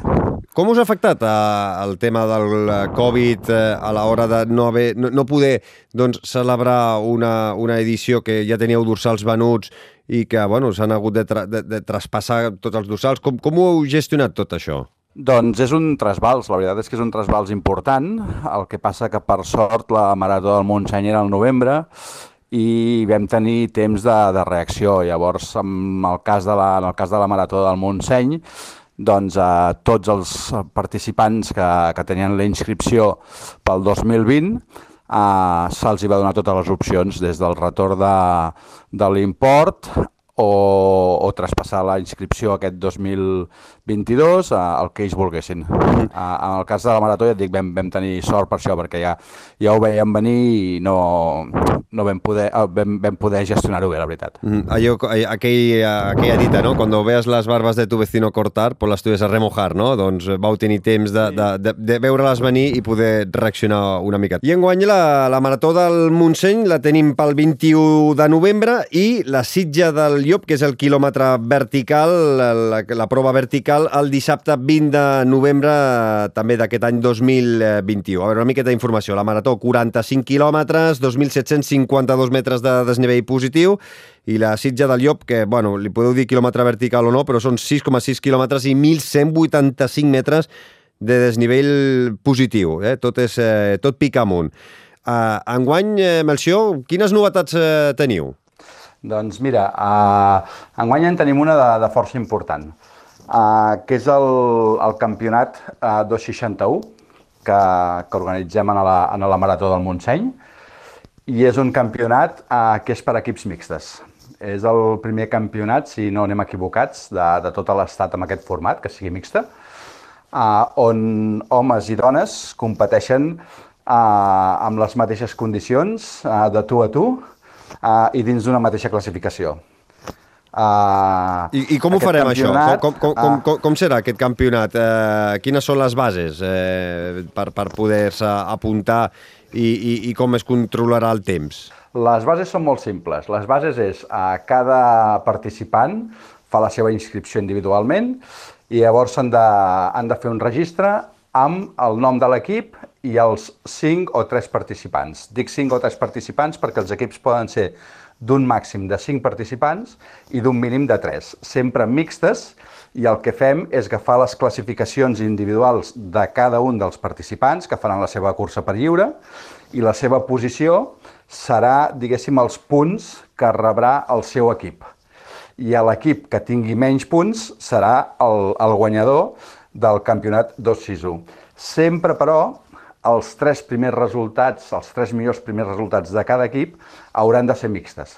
Tant poden ser dos dones primer i un home de segon, ai, tercer, perdó, com a, a l'inversa, a dos homes i una dona. En aquest cas no afecta absolutament amb res, perquè eh, suposem que amb un equip hi ha la primera dona i la segona dona, aquest equip en aquí ja tindria tres punts, i, i l'home, la classificació que tingués, si per exemple fos un cinquè, un cinquè lloc, doncs tindria 8 punts. Uh, en aquest cas hauríem de veure la resta d'equips que han fet i comparar i, i el que deia abans, no? l'equip que tingui menys punts uh, serà l'equip guanyador de, del campionat 2-6-1. És a dir, eh, eh, poso, poso, poso un exemple. Si hi ha un equip de 5 persones, 4 homes i una dona, eh, comptaran els dos millors homes i el de la, i, i el de, i el de la dona. O sigui, eh, encara que hi hagin... Ah, això, eh, això mateix. Vale, perfecte. I així, en plan, eh, com a anècdota, Melció, com, per què es diu el campionat 2-6-1? El 2-6-1 ve, a, ve a fer referència al, al dorsal que portava la Catherine Switch, a la, a la Marató de Boston. A la Marató de Boston de 1967, si no vaig errat, uh, va ser la primera dona que, que va aconseguir fer una, una marató uh, en aquells moments on, on només deixaven participar els homes, i ella es va inscriure amb les seves inicials uh, i, i això va fer que, que els organitzadors no s'adonessin que era una dona. I, i justament el dorsal de la, de la Catherine era el, el 261. Mm -hmm. I llavors, uh, fent, un, fent una picada d'ulls uh, i, i volent uh, recordar la, la gesta d'aquesta dona, uh, doncs hem volgut fer homenatge en el, en el 261, no? que, és un, que és un número uh, que a nivell d'esport de, femení doncs, va, en el seu moment va tenir força, força impacte i, i la gent el coneixia bé. Teniu un premi Llavors, força, força, força suculent, també, eh? Sí, uh, enguany, bueno, en el, en el campionat el que fem és uh, els tres primers equips es repartiran un total de 1.750 euros, uh, repartits en 1.000 euros el primer, a uh, 500 euros el segon i 250 el tercer classificat. I les inscripcions són gratuïtes. Llavors, és a, bueno. i, i les, eh, disculpa, menció, i les inscripcions són gratuïtes. És a dir, un cop que un, eh, els corredors eh, s'hagin inscrit de forma individual i hagin pagat la seva inscripció, fer l'equip i crear aquests equips eh, mixtes d'homes eh, i dones, eh, aquesta inscripció al campionat 261 és, és gratuït. Ah, exacte. Sí, sí, un cop eh, la, la, els corredors, els participants, les participants, han de fer la seva inscripció individualment i la inscripció en el campionat és a, a cost zero, que ja, ja fan la seva inscripció. Mm -hmm. Hi, ha, hi ha novetats en quant a recorreguts, tant en la marató com en la sitja del Llop? Doncs no, eh, amb la marató seguim amb, la, amb el mateix recorregut que, que hem fet sempre. Bueno, perdona, disculpa, sí, hi ha un tram molt petitet, Uh, ara no, no me'n recordava, hi ha un tram molt petitet, que recuperem el, el Sant Bernat, que fins mm -hmm. ara era un avituallament que, que l'havíem deixat de fer perquè l'hotel estava tancat. Uh, novament ha obert les portes i, i recuperem l'avituallament de, de Sant Bernat i ens saltem a l'avituallament de les illes, de tal manera que els corredors uh, faran l'avituallament de la sitja del, ai, perdó, de, de les feixes del Vilar i després d'aquest el que trobaran és el, de, el del Sant Bernat. Mm, I ara... Di... És, el, és el canvi... Digue'm. T'anava a preguntar eh, que si el, el, ara recordo fa uns anys que vaig participar a la, a la, a la Marató i recordo l'avituallament de Sant Bernat com un, un, un, un bufet lliure espectacular. O sigui, hi havia metres i metres i metres de taula amb, amb ple de productes. Sí, bueno, de fet, el, la Marató del Montseny, una de les característiques que té són, són els seus avituallaments, no? que no falta, no falta, no falta de res i el Sant Bernat sempre era un, una de les zones, diguéssim, com tu dius, més, més emblemàtiques, no? perquè això semblava bodes i banquetes, no? que, que no una cursa. No? Uh, a l'entorn també s'hi diu perquè l'hotel és, és, és fantàstic, és, està en una zona que és, que és preciosa, la veritat. Uh, de fet, estem molt contents d'haver recuperat aquesta icona de, del Montseny i, i la gent aquí s'ho passarà, bueno, passarà molt bé. El, els avituallaments, com et deia abans, és, és, una dels, és un dels clàssics de, de la marató. No? Nosaltres amb la, amb la marató el que volem és que la gent corri, per dir-ho d'alguna manera, a pèl. No? I, o sigui, quan surts a entrenar ja surts amb la motxilla, ja portes el que has de portar, però creiem que quan vens a fer una, una, una cursa, una marató, no cal que portis res. Uh, nosaltres ho, ho entenem així, no? Uh, es cobra una inscripció, els corredors, corredores paguen una inscripció i amb aquesta inscripció els ha d'entrar absolutament tot. Llavors eh, mirem que, que cada, cada pocs quilòmetres o, o desnivell positiu doncs, trobin el que han de trobar sense patir absolutament doncs, per si els hi faltarà això o els hi faltarà allò. No? Inclús a l'arribada, la, doncs, a l'avituallament d'arribada, és un avituallament on, on és barra lliure, per dir d'alguna manera, i poden repetir un, dos i els cops que faci falta sense, sense miraments. Teniu nou avituallaments, mira, ara que ho deies, eh? tinc aquí la web oberta, al quilòmetre 4 i mig, 10, 17, 22, 25, 31, 35 i mig, 41 i el d'arribada al 45 a Sant Esteve de Palau Tordera. I com deia, soc eh, doncs, testimoni de, de, de, realment d'avituallaments eh, molt complets, tots ells, i si teniu, voleu informació, doncs entreu a la, a la web i veureu que els productes que, que podreu trobar en cada avituallament. És una miqueta al contrari de que hi ha moltes curses que posen eh, doncs, en semiautosuficiència, no? Vosaltres, doncs, al contrari. Uh, només el material mínim recomanable que, que, que recomaneu, no? En cas de, doncs, de fred, de vent, uh, de pluja o, o inclús de, de neu, perquè us heu trobat al novembre amb, amb nevades a les cotes altes, i, i només en quant a menjar, doncs que també recomaneu també als, als corredors que, que vagin una mica a pèl en aquest sentit, no? Sí, la, la, la Marató del Montseny, per les dates que es celebra, la veritat és que és un espectacle i una sorpresa. És un espectacle en quant a, en quant a colors, en quant a, a el que ens mostra tot el que és la natura en, en plena tardor. I, I és un espectacle o un misteri el que ens trobarem, no? perquè, com tu ben dius, eh, ens hem trobat maratons del Montseny que podem anar amb màniga curta sense cap problema, ens hem trobat eh, maratons del Montseny amb el Matagalls nevat, el Turó, les Agudes nevades, eh, en moments complicats. Ens hem trobat una marató de, com va ser la del, 2000, del 2011 amb una ciclogènesis explosiva que va ser tremendo. Uh, és, és, un, és una loteria el que ens podem trobar a la, a la Marató del Montseny cada any. Per això cada any és, és com una cursa diferent, no? encara que, que l'hagis fet un o dos cops, uh, difícilment tens la sensació que, que, que aquest any has fet la mateixa cursa que, que vas fer l'any passat, no? Com van el ritme d'inscripcions, Melchior? Doncs bé, la veritat és que amb la Marató del Montseny tocarem fusta perquè amb, amb l'atapeït que està tot, eh, eh, bueno, és, és força complicat, però no ens podem queixar. Ara mateix estem per sobre les 400 inscripcions, tanquem amb 500, eh, creiem que amb un parell de setmanetes més o així ja, ja tancarem les, les inscripcions a la Marató. I ja dic, és una cursa que, que per sort des dels seus inicis va caure en gràcia i, i bueno, uh, arguments tampoc li falten, no? Mm -hmm. no? No sé si està bé que ho digui jo, però, però crec, realment crec que és així, no? És super a més, recomanable a... i a més a més, disculpa eh, que, que, que t'interrompeixi, Melció, però teniu un, uh, uns podis uh, espectaculars Uh, per exemple, eh? gent que ha guanyat uh, la marató de, del Montseny, el Marc Carós, el Miguel Caballero, l'Alai Andreu, Manuel, el Manu Merillas, eh, Ollana Cortázar, el Pere Aurell, eh, Eli Gordón, eh, Jesset Hernández, Albert Pujol, Ingrid Ruiz... Eh, eh, teniu sempre sí, sí, corredors importants que venen, eh? Sí, sí. Aquest any què, tenim sí, o no? Alfredo, Bueno, els corredors, diguéssim, més top, per dir-ho d'alguna manera, sempre esperen una miqueta al final, no? a veure com arriben, com, com es trobaran. També la Marató del Montseny en aquest sentit és una mica un hàndicap per ells, perquè és a final de temporada, estan molt patats de curses, estan cansats, necessiten també el seu temps de recuperació i és un petit hàndicap que tenim, no?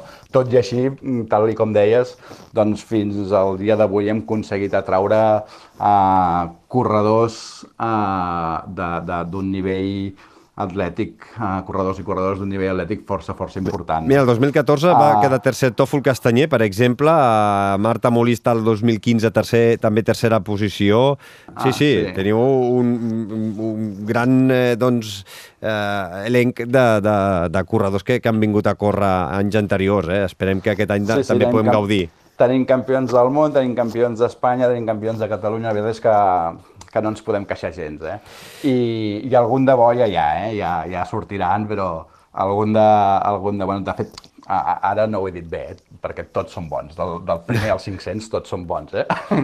La veritat és que sí. Jo, jo, jo quan, quan podia córrer era de, de, dels que tancava, dels que empaitava l'escombra i, i té tant mèrit el primer com l'últim, eh? Ara farem un Però, sorteig que, que, que teníem pendent, eh, Melchior, però eh, com serà la sortida d'enguany amb el tema Covid? Eh, ja, ja, altres anys ja heu fet la sortida per calaixos, amb, amb dos tandes perquè no s'acumulessin els primers corriols, però enguany com, com teniu pensat que, que sigui la sortida des de Sant Esteve de Palau Tordera? Bueno, estem a l'espera una miqueta de com van tots els aconteixements, de com va tot plegat. Estem, bueno, sembla que tot va més o menys bé. El que sí que serà segur serà amb la mascareta i amb la distància de, de rigor a la zona de sortida i, i veurem en el moment eh, que es vagi apropant la, la data doncs, si, si fem calaixos o no fem calaixos. No? El, el que sí, si no féssim calaixos, el que si sortissin amb un sol calaix, el que sí seria seria un calaix molt més ampli i amb molt més espai que,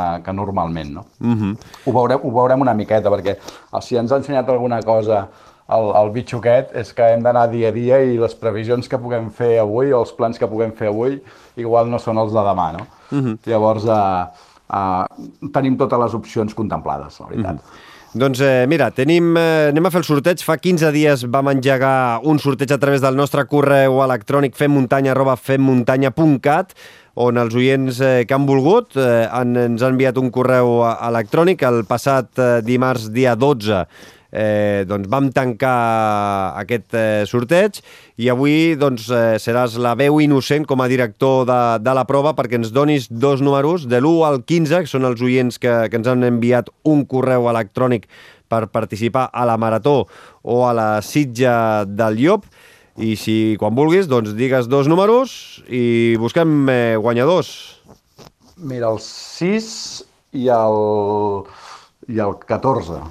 Doncs mira, eh, tenim eh, que el guanyador de la marató, eh, mira, és un amic de, del programa, Baren Vandroge, eh, que ens va enviar un correu electrònic que deia m'agradaria córrer la marató del Montseny, a veure si em toca un dorsal i a veure si el puc acabar una vegada sense rampes a l'última baixada. Sí, que l'última baixada és bastant és bastant llarga sí. i com vagis eh, passat de voltes al turó de l'home arribes tocadet, tocadet. Doncs el Baren s'emporta el dorsal per la marató i per la sitja del Llop se l'emporta el Bruno Pérez Borrell, que ens deia Hola, el meu nom és Bruno Pérez Borrell i m'agradaria optar al dorsal de la Sitja del Llop. Moltes gràcies pel programa. Doncs seran els dos guanyadors, eh, ens eh, posarem en contacte amb ells, tant nosaltres com vosaltres com a organitzadors, i ja quedareu per eh, doncs, eh, fer efectiva aquesta inscripció. El Baren per la Marató i el Bruno Pérez Borrell per la Sitja del Llop. Si no, els que no heu tingut sort, doncs eh, us podeu inscriure a la web eh, maratomontseny.com i allà trobareu també molta informació i us podeu inscriure de forma individual i, com no, si voleu doncs, eh, fer aquest equip per participar al campionat 261 de la Marató de, del Montseny. I acabo, eh, Melcior, també com a responsable de l'Ultra del Montseny, eh, com, com va la, la, el treball previ a aquests mesos de cara a la primavera? Bé, a la Ultra del Montseny bueno, ja, fa, ja fa temps que estem treballant amb ella, perquè això no és quan acabes de fer la cursa al cap d'una setmana, que diu, ja estàs uh, arrencant la, la següent edició. I la veritat és que, que va força bé, vam obrir les inscripcions ara a primers d'octubre, la gent està responent molt, molt bé. Uh, aquest any, com és habitual amb la, amb la Ultra, que anem canviant de poble, doncs sortim d'aigua freda, eh, amb un recorregut dissenyat per el Toni de Riba, el, el cap de la cursa de la, de la Vall del Congost. I aquí ens ha, la veritat és que ens ha liat parda perquè ens ha sortit un, una ultra eh, amb 5.200 metres positius. Déu-n'hi-do, i 80, 80 quilòmetres. quilòmetres. Sí, sí, sí, sí ens, ens ha juntat la marató del Montseny amb la, amb la marató de la Vall del Congost. Déu-n'hi-do. O sigui, quasi, quasi res. Fem Tagamanent, Turó de l'Home, Matagalls, Agudes, Suí... Uh, em sembla que no ens deixem cap cim. I a més a més, uh, per, per llocs que, que, bueno, que, que el Toni es coneix de dalt a baix uh, tot el Montseny i, i la gent aquest any disfrutarà disfrutarà moltíssim. A jo he, fet, he, fe, he pogut fer la marató del Congost i també és d'aquelles dures, dures, eh? De, sí, de trencacames, sí, sí. perquè la baixada del Tagamanent és dura. Sí, sí, sí. I, sí jo i... també l'he fet i, i la recordo, la recordo.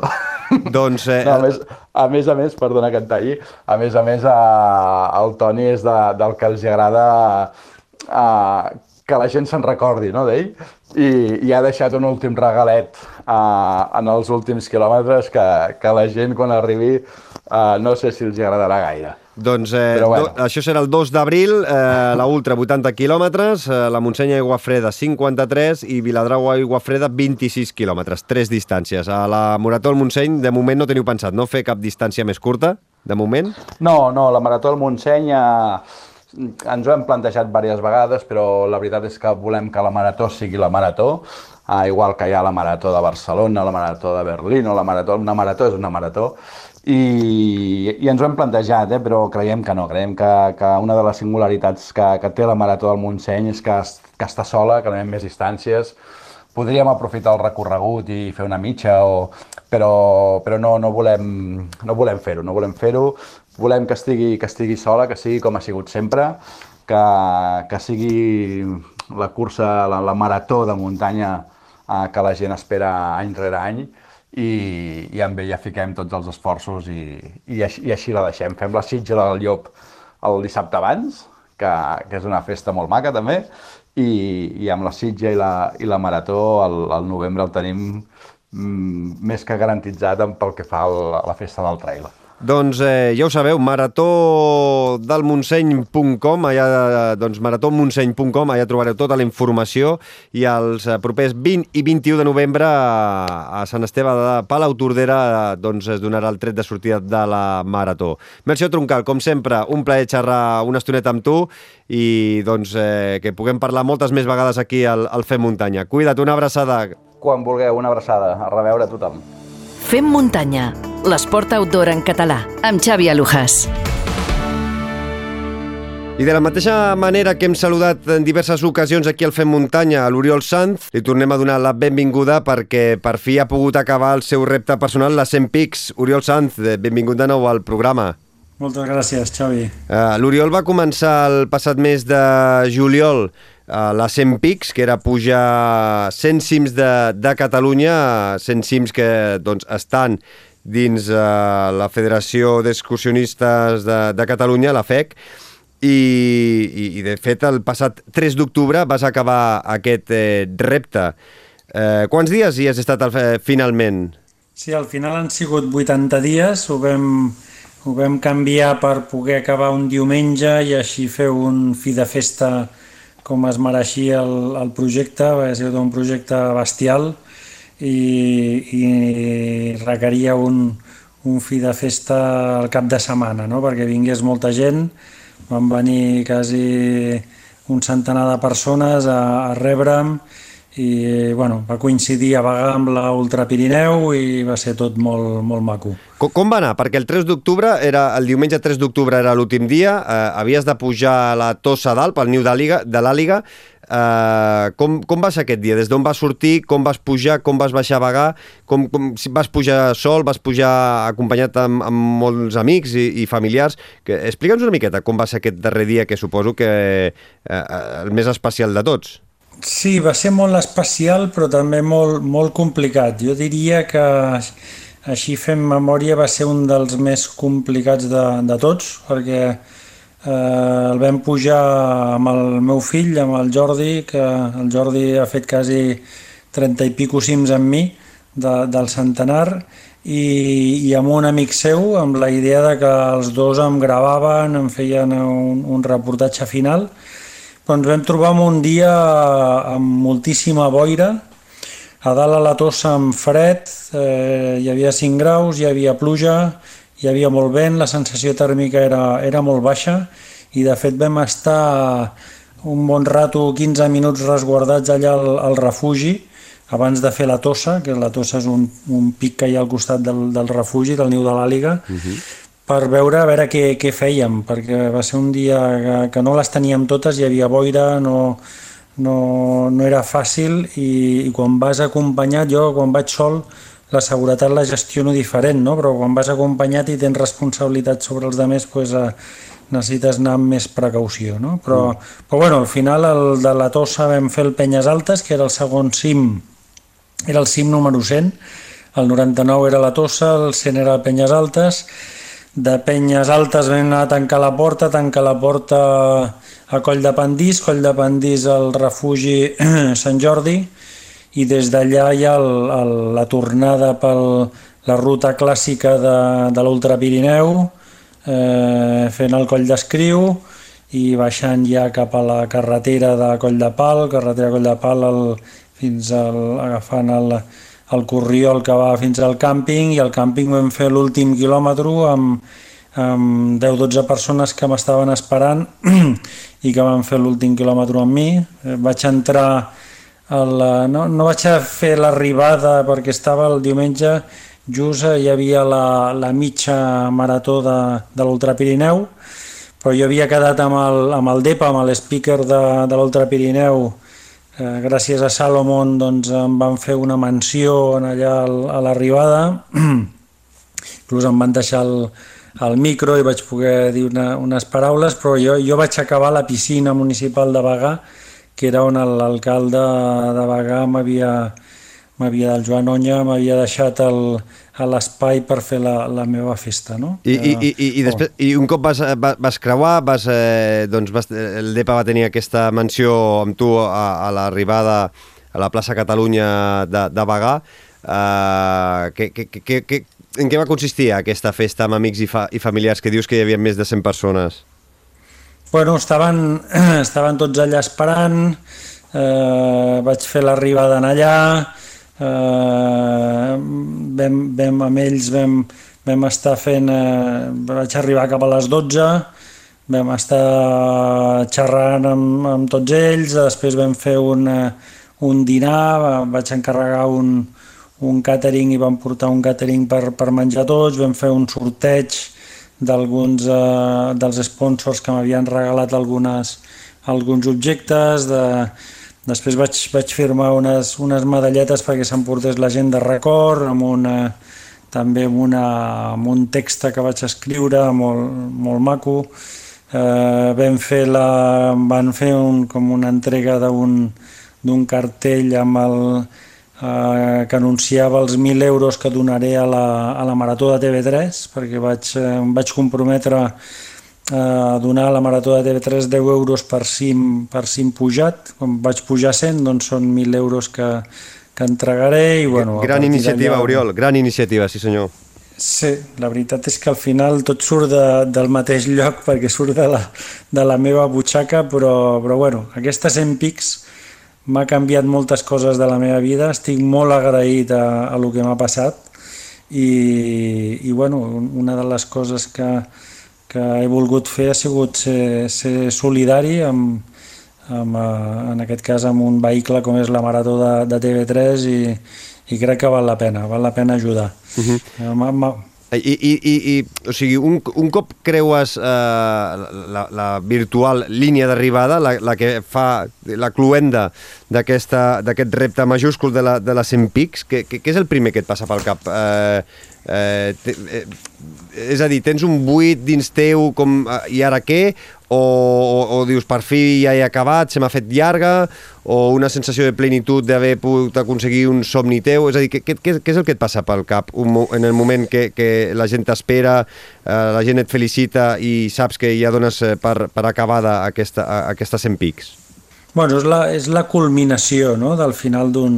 Tothom que ha fet un repte, tothom que, que ha fet una cursa d'ultraresistència, quan passa per l'arribada, se t'ajunten moltes emocions, eh, eh, poses a plorar, tens un, una felicitat immensa, no? és la culminació de tot un camí que has, que has fet durant molt de temps. A mi no, no se m'ha fet llarg, perquè m'he enriquit molt des de molts punts de vista. La, la 100 Pics no era un repte, eh, era un projecte que unia una passió, unia amb, amb seguir treballant i amb, i amb compartir-ho amb la meva gent, i ha sigut un projecte que m'ha enriquit moltíssim i, i al final fent camí ha sigut com he anat eh, construint tot aquest record inesborrable que, que m'acabo emportant no? i a partir d'ara pues, a, a continuar remant i fent coses perquè no, no, no acabarà, el viatge no, no s'acaba, jo ho comento amb tothom, aquest viatge que, que he tingut tan, tan maco no, no s'acaba perquè continuarà, continuarà fent més coses, hi ha coses que sí que les he de tancar, hi ha coses que tindran continuïtat i n'obriré obriré coses noves. No? Ara he obert una iniciativa que es diu Fem muntanya junts i un cap de setmana cada, de, de cada mes doncs anirem, anirem a pujar amb tot el que, el que s'apunti, un, un cim dissabte i un cim diumenge, i la gent es podrà apuntar sense cap mena de, de restricció es, es podrà apuntar, jo organitzaré, faré tota l'organització perquè la gent pugui viure, viure a muntanya pues, un cop al, al mes amb, amb la meva ajuda. No? I coses com aquesta en aniré fent. Uh -huh. I, i ara, ara que has tret aquest tema, i la gent que, que vulgui apuntar-se, que, com ho ha de fer? Ha, ha d'entrar a l'Instagram de la 100 Pics i, i d'allà ja, ja ho podrà fer? O, o teniu una web? Sí, sí en principi l'Instagram és el mitjà de comunicació més, més fàcil amb els seguidors, no? Uh -huh. però jo tinc, mantinc actiu un... Nosaltres tenim una web que és la que, és, que està molt bé i que té molta informació. Allà he anat construint un blog que, que és el meu diari, el meu diari de cada dia, moltes reflexions, les cròniques de les ascensions. Ara segueixo escrivint reflexions post 100 pics, que crec que són molt, molt xules. Hi ha uns dashboards allà a la web eh, de, de totes les estadístiques dels, dels cims que he fet, el, les durades, les hores treballades que he treballat durant, durant aquest repte, hi ha una pila d'informació allà i que és, és molt xulo. No? I allà, si et connectes tant a la web com a l'Instagram, la, la iniciativa està allà i tothom es pot apuntar. I, i, i què t'ha canviat la, la vida prèvia mm. a la 100 Pics, a, a la vida després de, del projecte de la, de la 100 Pics? Eh, ha, ha canviat alguna cosa, la teva filosofia de veure les coses, el teu dia a dia, la teva forma de treballar, la teva forma de, de, de relacionar-te amb la família i amb els amics, o tot és igual? Perquè, clar, un projecte d'aquest és, és important. No, no, ha canviat, ha canviat moltíssimes coses. Això que diuen que a partir dels 50 ja no canviem, és mentida. Jo ahir, ahir vaig fer 55 no, felicitats. i he canviat... Moltes gràcies. I, I de fet vaig escriure un, una, un, en el blog un, una ressenya especial d'aquest dia i jo he canviat moltes coses. M'he tret algunes motxilles, he, he intentat eliminar algunes misèries que tots tenim a la nostra vida, eh, intentat millorar coses que, que no, feia, no feia prou bé i, i hem fortit la relació amb, el, amb els meus amics, amb la meva família, jo ho explico sempre, per posar un exemple, eh, amb el meu fill petit, que és el que m'ha fet el documental i amb el que he compartit molts dies d'aquesta 100 pics, doncs ens hem fet amics, ens hem fet amics perquè hem pujat 32 pics junts i hem viscut eh, molts moments, no? molts moments d'intensitat elevada i fent pics molt complexes, amb situacions eh, algunes un, una mica al límit i, i això doncs, crea una, una relació especial. No? Però tots els que m'han acompanyat, jo he, he viscut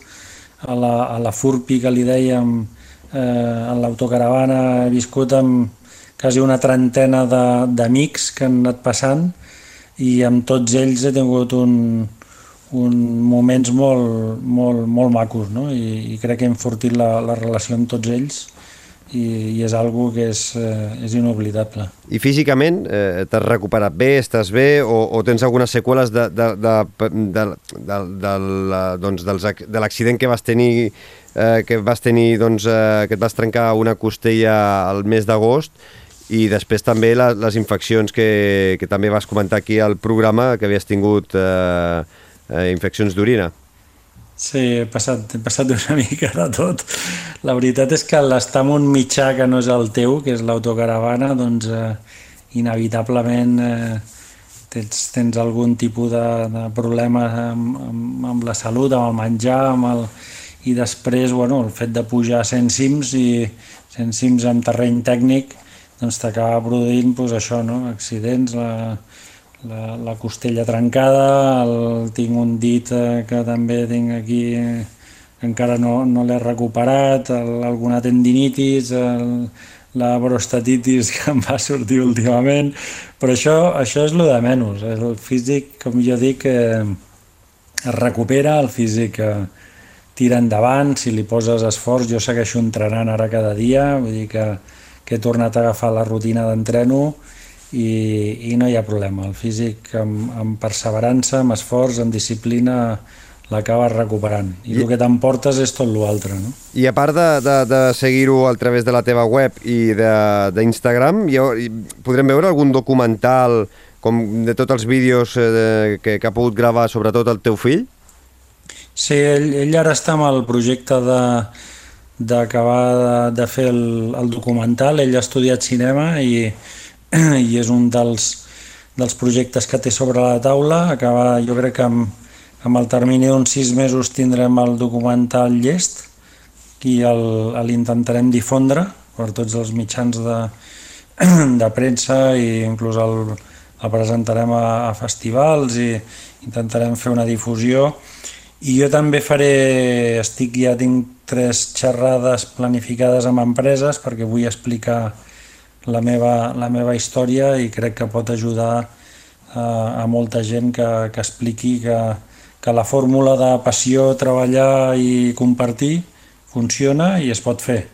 I, i això ho, ho explicaré. Ara tinc ja tres xerrades planificades i aniré, aniré planificant més, perquè crec que el, el projecte s'ho val i, i cal, cal difondre'l. I, I, Oriol, i ara, bueno, eh, en tornarem a parlar, quan, quan eh, publiquis el, el documental, en tornarem a parlar amb les imatges i poder veure doncs, en moviment tot el que, el que has viscut. Eh, però què, ara descansar una mica, a part de continuar entrenant, eh, però descansar una miqueta o ja tens projectes, reptes eh, dins teu que et van fent doncs, xup-xup i, i vas eh, cuinant? Sí, segur que, segur que algú, jo no em puc estar parat. Vull dir, ara, ara tinc el novembre, el 20 de novembre tinc la, la BCN Trail Races aquí a Collserola. Sí, que són 76 quilòmetres que ja l'he corregut. Soc un dels 3 o 4, em sembla que l'hem corregut cada any i la tornaré a córrer, si puc, aquest, aquest 20 de novembre i l'any que ve ja veurem. Eh, M'estava plantejant fer la UTMB, que tinc ganes de, de fer-la i, i no sé, ja veurem. 170 quilòmetres? De 100 milles? Sí, sí. Tens els, sí, tens els punts i tot o no? Sí, tinc els punts perquè vaig fer la, la Trail Gran Canària la, el març de l'any passat i, i una Ultra Pirineu també per, per allà, vull dir que eh, tinc els punts i, pu i puc optar. Doncs aprofita'ls. La, la CCC, sí, sí. Aprofita'ls perquè em sembla que el 2023 potser els punts, diria, si no vaig equivocat, eh, que potser ja no et serviran gaire, ja. perquè entra el, el circuit aquest eh, UTMB i Ironman sí. i hauràs d'entrar al circuit eh, by UTMB. Doncs a veure si et veiem a l'UTMB, a veure si hi ha sort amb el sorteig, a veure si t'animes i, i fas la inscripció Uh, ara el gener, que, que la inscripció és ara d'aquí pocs mesos. Doncs, Oriol Sanz, eh, un cop més, moltíssimes gràcies per acompanyar-nos uns minuts a, al Fem Muntanya. Ha sigut tot un plaer conèixer xerrar amb tu eh, força sovint i que ens eh, anessis explicant eh, doncs, eh, pas a pas com anava aquest repte de, de les 100 pics. Com sempre, eh, moltíssimes gràcies, enhorabona, primer de tot, i, i esperem veure aquest documental eh, ben aviat. Cuida't, una abraçada, gràcies. Gràcies, Xavi, gràcies. Fem muntanya, l'esport outdoor en català. Moment de passar per la consulta del nostre coach esportiu de capçalera, el Guillem Marchal. Ja ho sabeu, llicenciat en Ciències de l'Activitat Física i l'Esport i Master Coach per la International School of Coaching. Molt bones, Guillem. Molt bones, Xavi, família muntanyera. Quan he vist de que anava la píndola d'avui, m'he adonat de que havíem llegit el mateix fil de Twitter que ha penjat eh, ara fa pocs dies el nostre amic Marc Cornet. Doncs sembla que sí. la veritat e-, és que com a experiència personal és gens gratificant, però com a lliçó de vida i esport pot aportar-li un gran aprenentatge.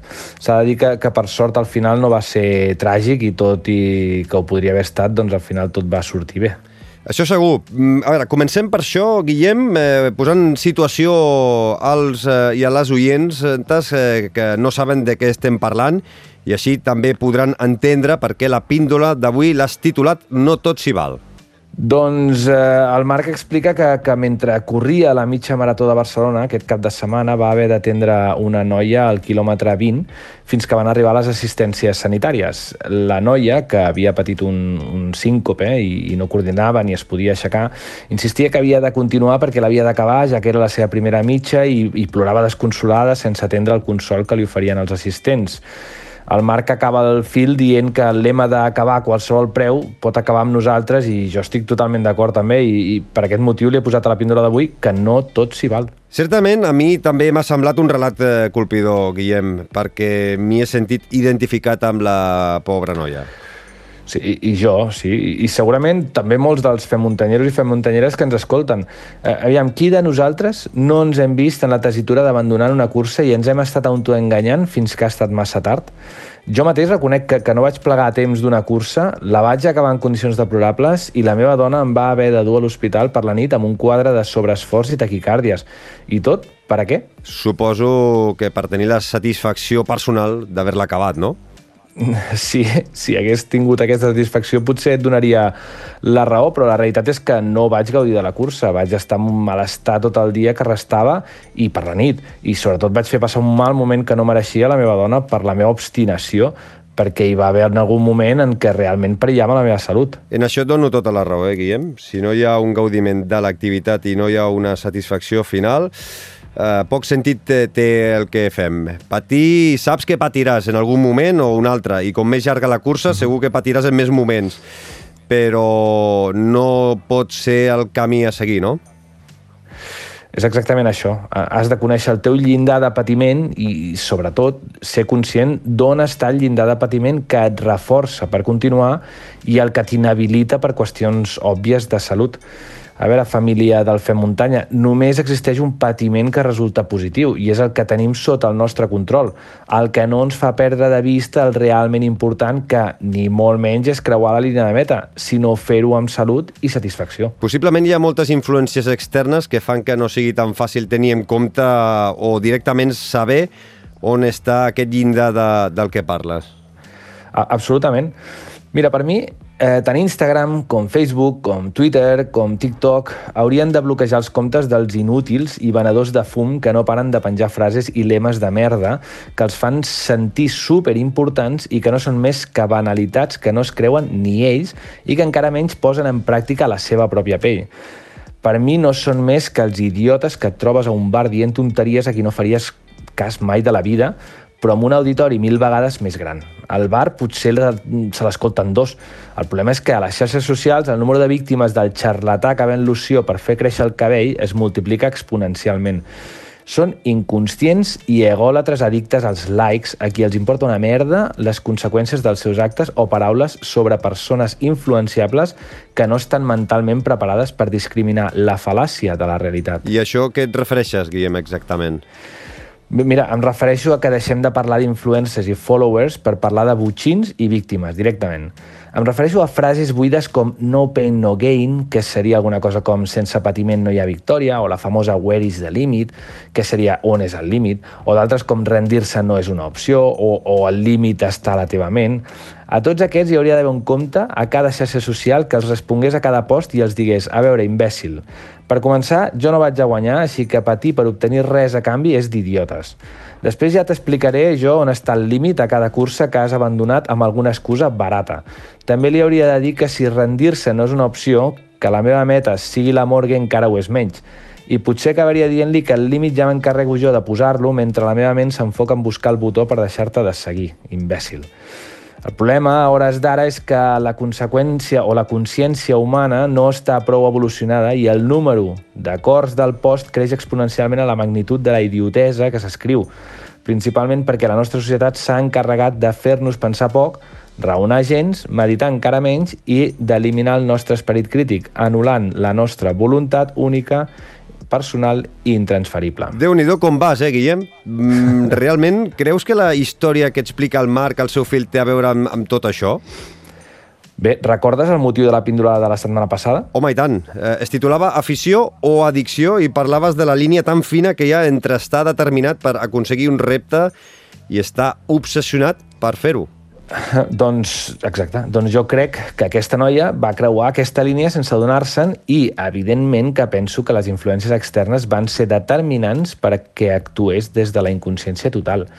Descoordinada, desorientada, amb les constants vitals compromeses i atesa per gent com el Marc, a qui ni escoltava i l'únic que deia és que havia d'acabar com fos, aquesta noia presentava un quadre obsessiu compulsiu de la hòstia i ja no prenia les decisions ella, sinó la seva egolatria alimentada per les creences imposades per aquells i aquelles que si veuen que no poden aconseguir el que es proposen, abandonaran amb alguna excusa de merda.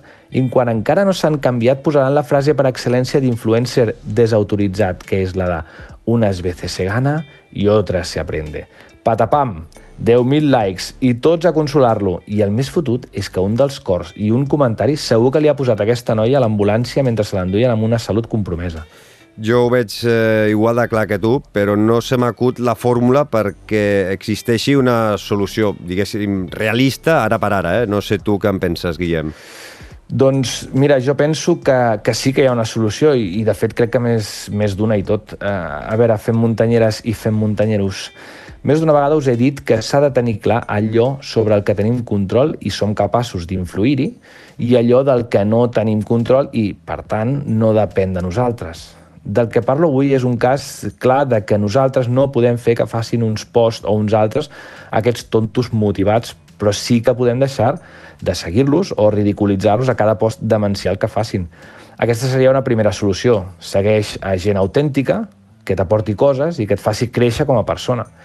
Una segona solució doncs, seria millorar la pedagogia que es fa del món de l'esport, de triomfar i de fracassar.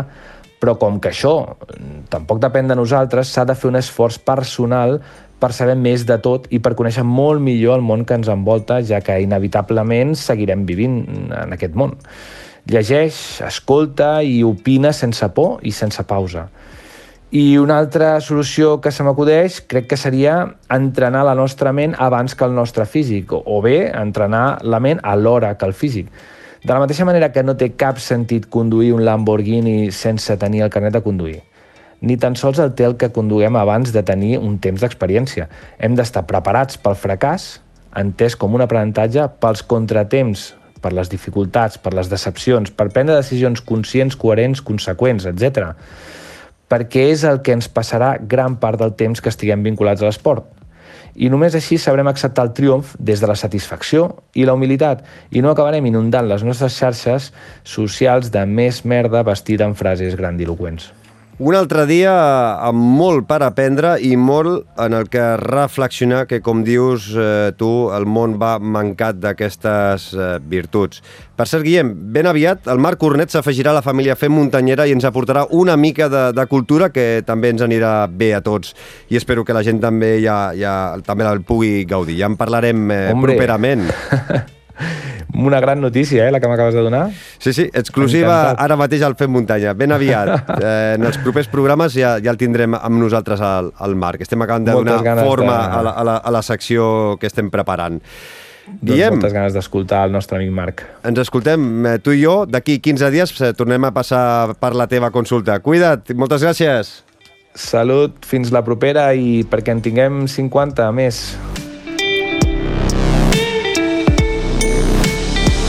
Envia'ns les teves opinions a través de Twitter, Instagram o del correu electrònic femmuntanya arroba femmuntanya.cat.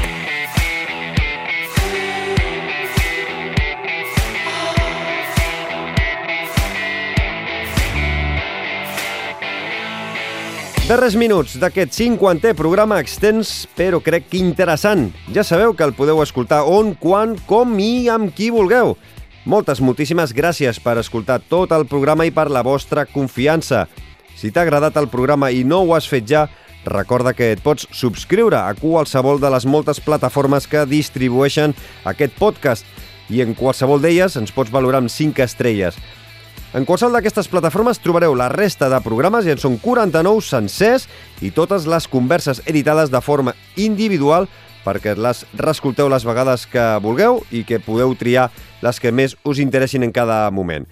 Abans d'escoltar les veus d'alguns fem muntanyeros i fem muntanyeres que van participar aquest passat cap de setmana al Trail del Bisaure, deixeu-me agrair la feina de tot l'equip que l'ha fet possible com per exemple en Guillem Marchal, l'Albert Torrent, la Mònica Osart, en Jordi Saragossa, l'Ada Xinxó, en Melció Troncal i l'Oriol Sanz. De debò, moltíssimes gràcies a tots per ser-hi. Una salutació de qui us ha parlat Xavi Alujas. Com sempre, és un autèntic plaer poder-vos acompanyar fent muntanya. Tornem d'aquí a dues setmanes, d'aquí a dos dijous, amb més històries i, sobretot, molta més muntanya. Fins llavors, gaudiu i sigueu feliços amb salut, seny i muntanya. Hola, sóc Albert Garriga i vaig fer la EMA del Bisaure. És el tercer any que faig el Bisaure i s'ha de dir que és el primer any que l'he patit degut a falta d'entrenament, ja que no trobàvem hores amb la meva parella i no vaig poder entrenar i lo suficient. Això vol dir que des del quilòmetre 11 m'estaven pujant els bessons i vaig tenir d'aguantar tot el que quedava tot i tenir la sensació que de es anava bé. Però bueno, a poc a poc hem d'anar aprenent de totes les coses. Jo no he participat al Trail del Bisaure, però he estat portant la comunicació i com a Ultras Catalunya puc reafirmar un cop més que el Trail del Bisaure és un de, una de les millors curses que tenim a casa nostra, que demostra any rere any que se superen i que és una de les curses també més estimades de casa nostra perquè s'ho han treballat eh, pel tracte que tenen al corredor, eh, també per cada any intentar dintre d'un terreny ferèstec i salvatge doncs, buscar la millor eh, itinerari possible o el més puta per, eh, bueno, per guanyar-se al client, en aquest cas el corredor, i sobretot doncs, per la gràcia que tenen a, a, tant amb els avituallaments com per les xarxes socials. Llarga vida al trall del Bisaure. Enhorabona, Xavi. Bon dia, Xavi, companys fem muntanyencs. Soc el Jordi i dissabte vaig participar a la mitja del trail de Bisaura. La veritat és que era la meva estrena en aquesta cursa i no em va decebre. El recorregut era fantàstic, els corriols per on vam passar doncs, espectaculars i tant l'ambient abans, durant i després de la cursa doncs, de 10. Per tant, és una cursa totalment recomanable que espero poder repetir en els propers anys. Una abraçada, adeu. Ep, Xavi, mira, sóc en Jaume Julibert i avui he estat fent la, la M, la, la mitja, diguem, del trail del Bisaure. Una d'aquestes, eh, no és l'animalada de la L, però és una cursa que la tenen molt ben parida. De fet, jo crec i destacaria eh, que han incrementat algun corriolet més i han tret algú de, de pista. Eh, els avituallaments espectaculars, sobretot al bar i, i el, a la zona doncs ja final l'últim avituallament que allà és on hi ha també Avui teníem el Covid per allà rondant amb nosaltres i ens hem pogut vacunar i per sort hem arribat bé fins a la línia de meta, però destacaria també que el Toni, el Turro i tota la colla ens han omplert una petita bassa en una de les rieres eh, em sembla que era passat els, els bufadors, doncs on ens hem hagut de remullar fins als genolls i això ha sigut pues, realment refrescant i, i molt apassionant. Així que per mi Bisaura és top 10 de les curses, és de les millors curses, sobretot per l'organització, que són uns cracs, ens alimenten molt gustosament per les xarxes socials, però després responen i ens fan gaudir moltíssim amb molta seguretat i, i això, hem disfrutat com a jabatos. Llarga vida al Bisaura. Bon dia, Xavi, fem muntanyeros. Eh, soc l'Alejandro, Eh, he acabat Ferrer la llarga del Bisaure, primer cop que la feia, i la veritat és que no sé si és més maca o dura, o a parts iguals. Molt patida i molt gaudida. Vinga, una abraçada. Doncs ara que ja estem a l'arribada del Bisaure, just a, a l'entrega de premis, i us explicaré com ha anat per mi. Uh, ha sigut una, una cursa que me l'esperava menys ràpida, la veritat és que al principi ha sigut bastant ràpida, però arriba un punt que, que estàs al mig d'un bosc que no saps si, si t'has perdut o què, perquè és un lloc fantasmagòric però impressionant. I després els raconets aquests com els bufadors, la pujada del castell. Bueno, ha sigut increïble. Ah, això sí, haig de posar un però que és que, escolta, feu-nos pagar dos euros més a la inscripció però regueu una mica això que està molt sec, collons, que sem un sacarral. Vinga, macos, fins la propera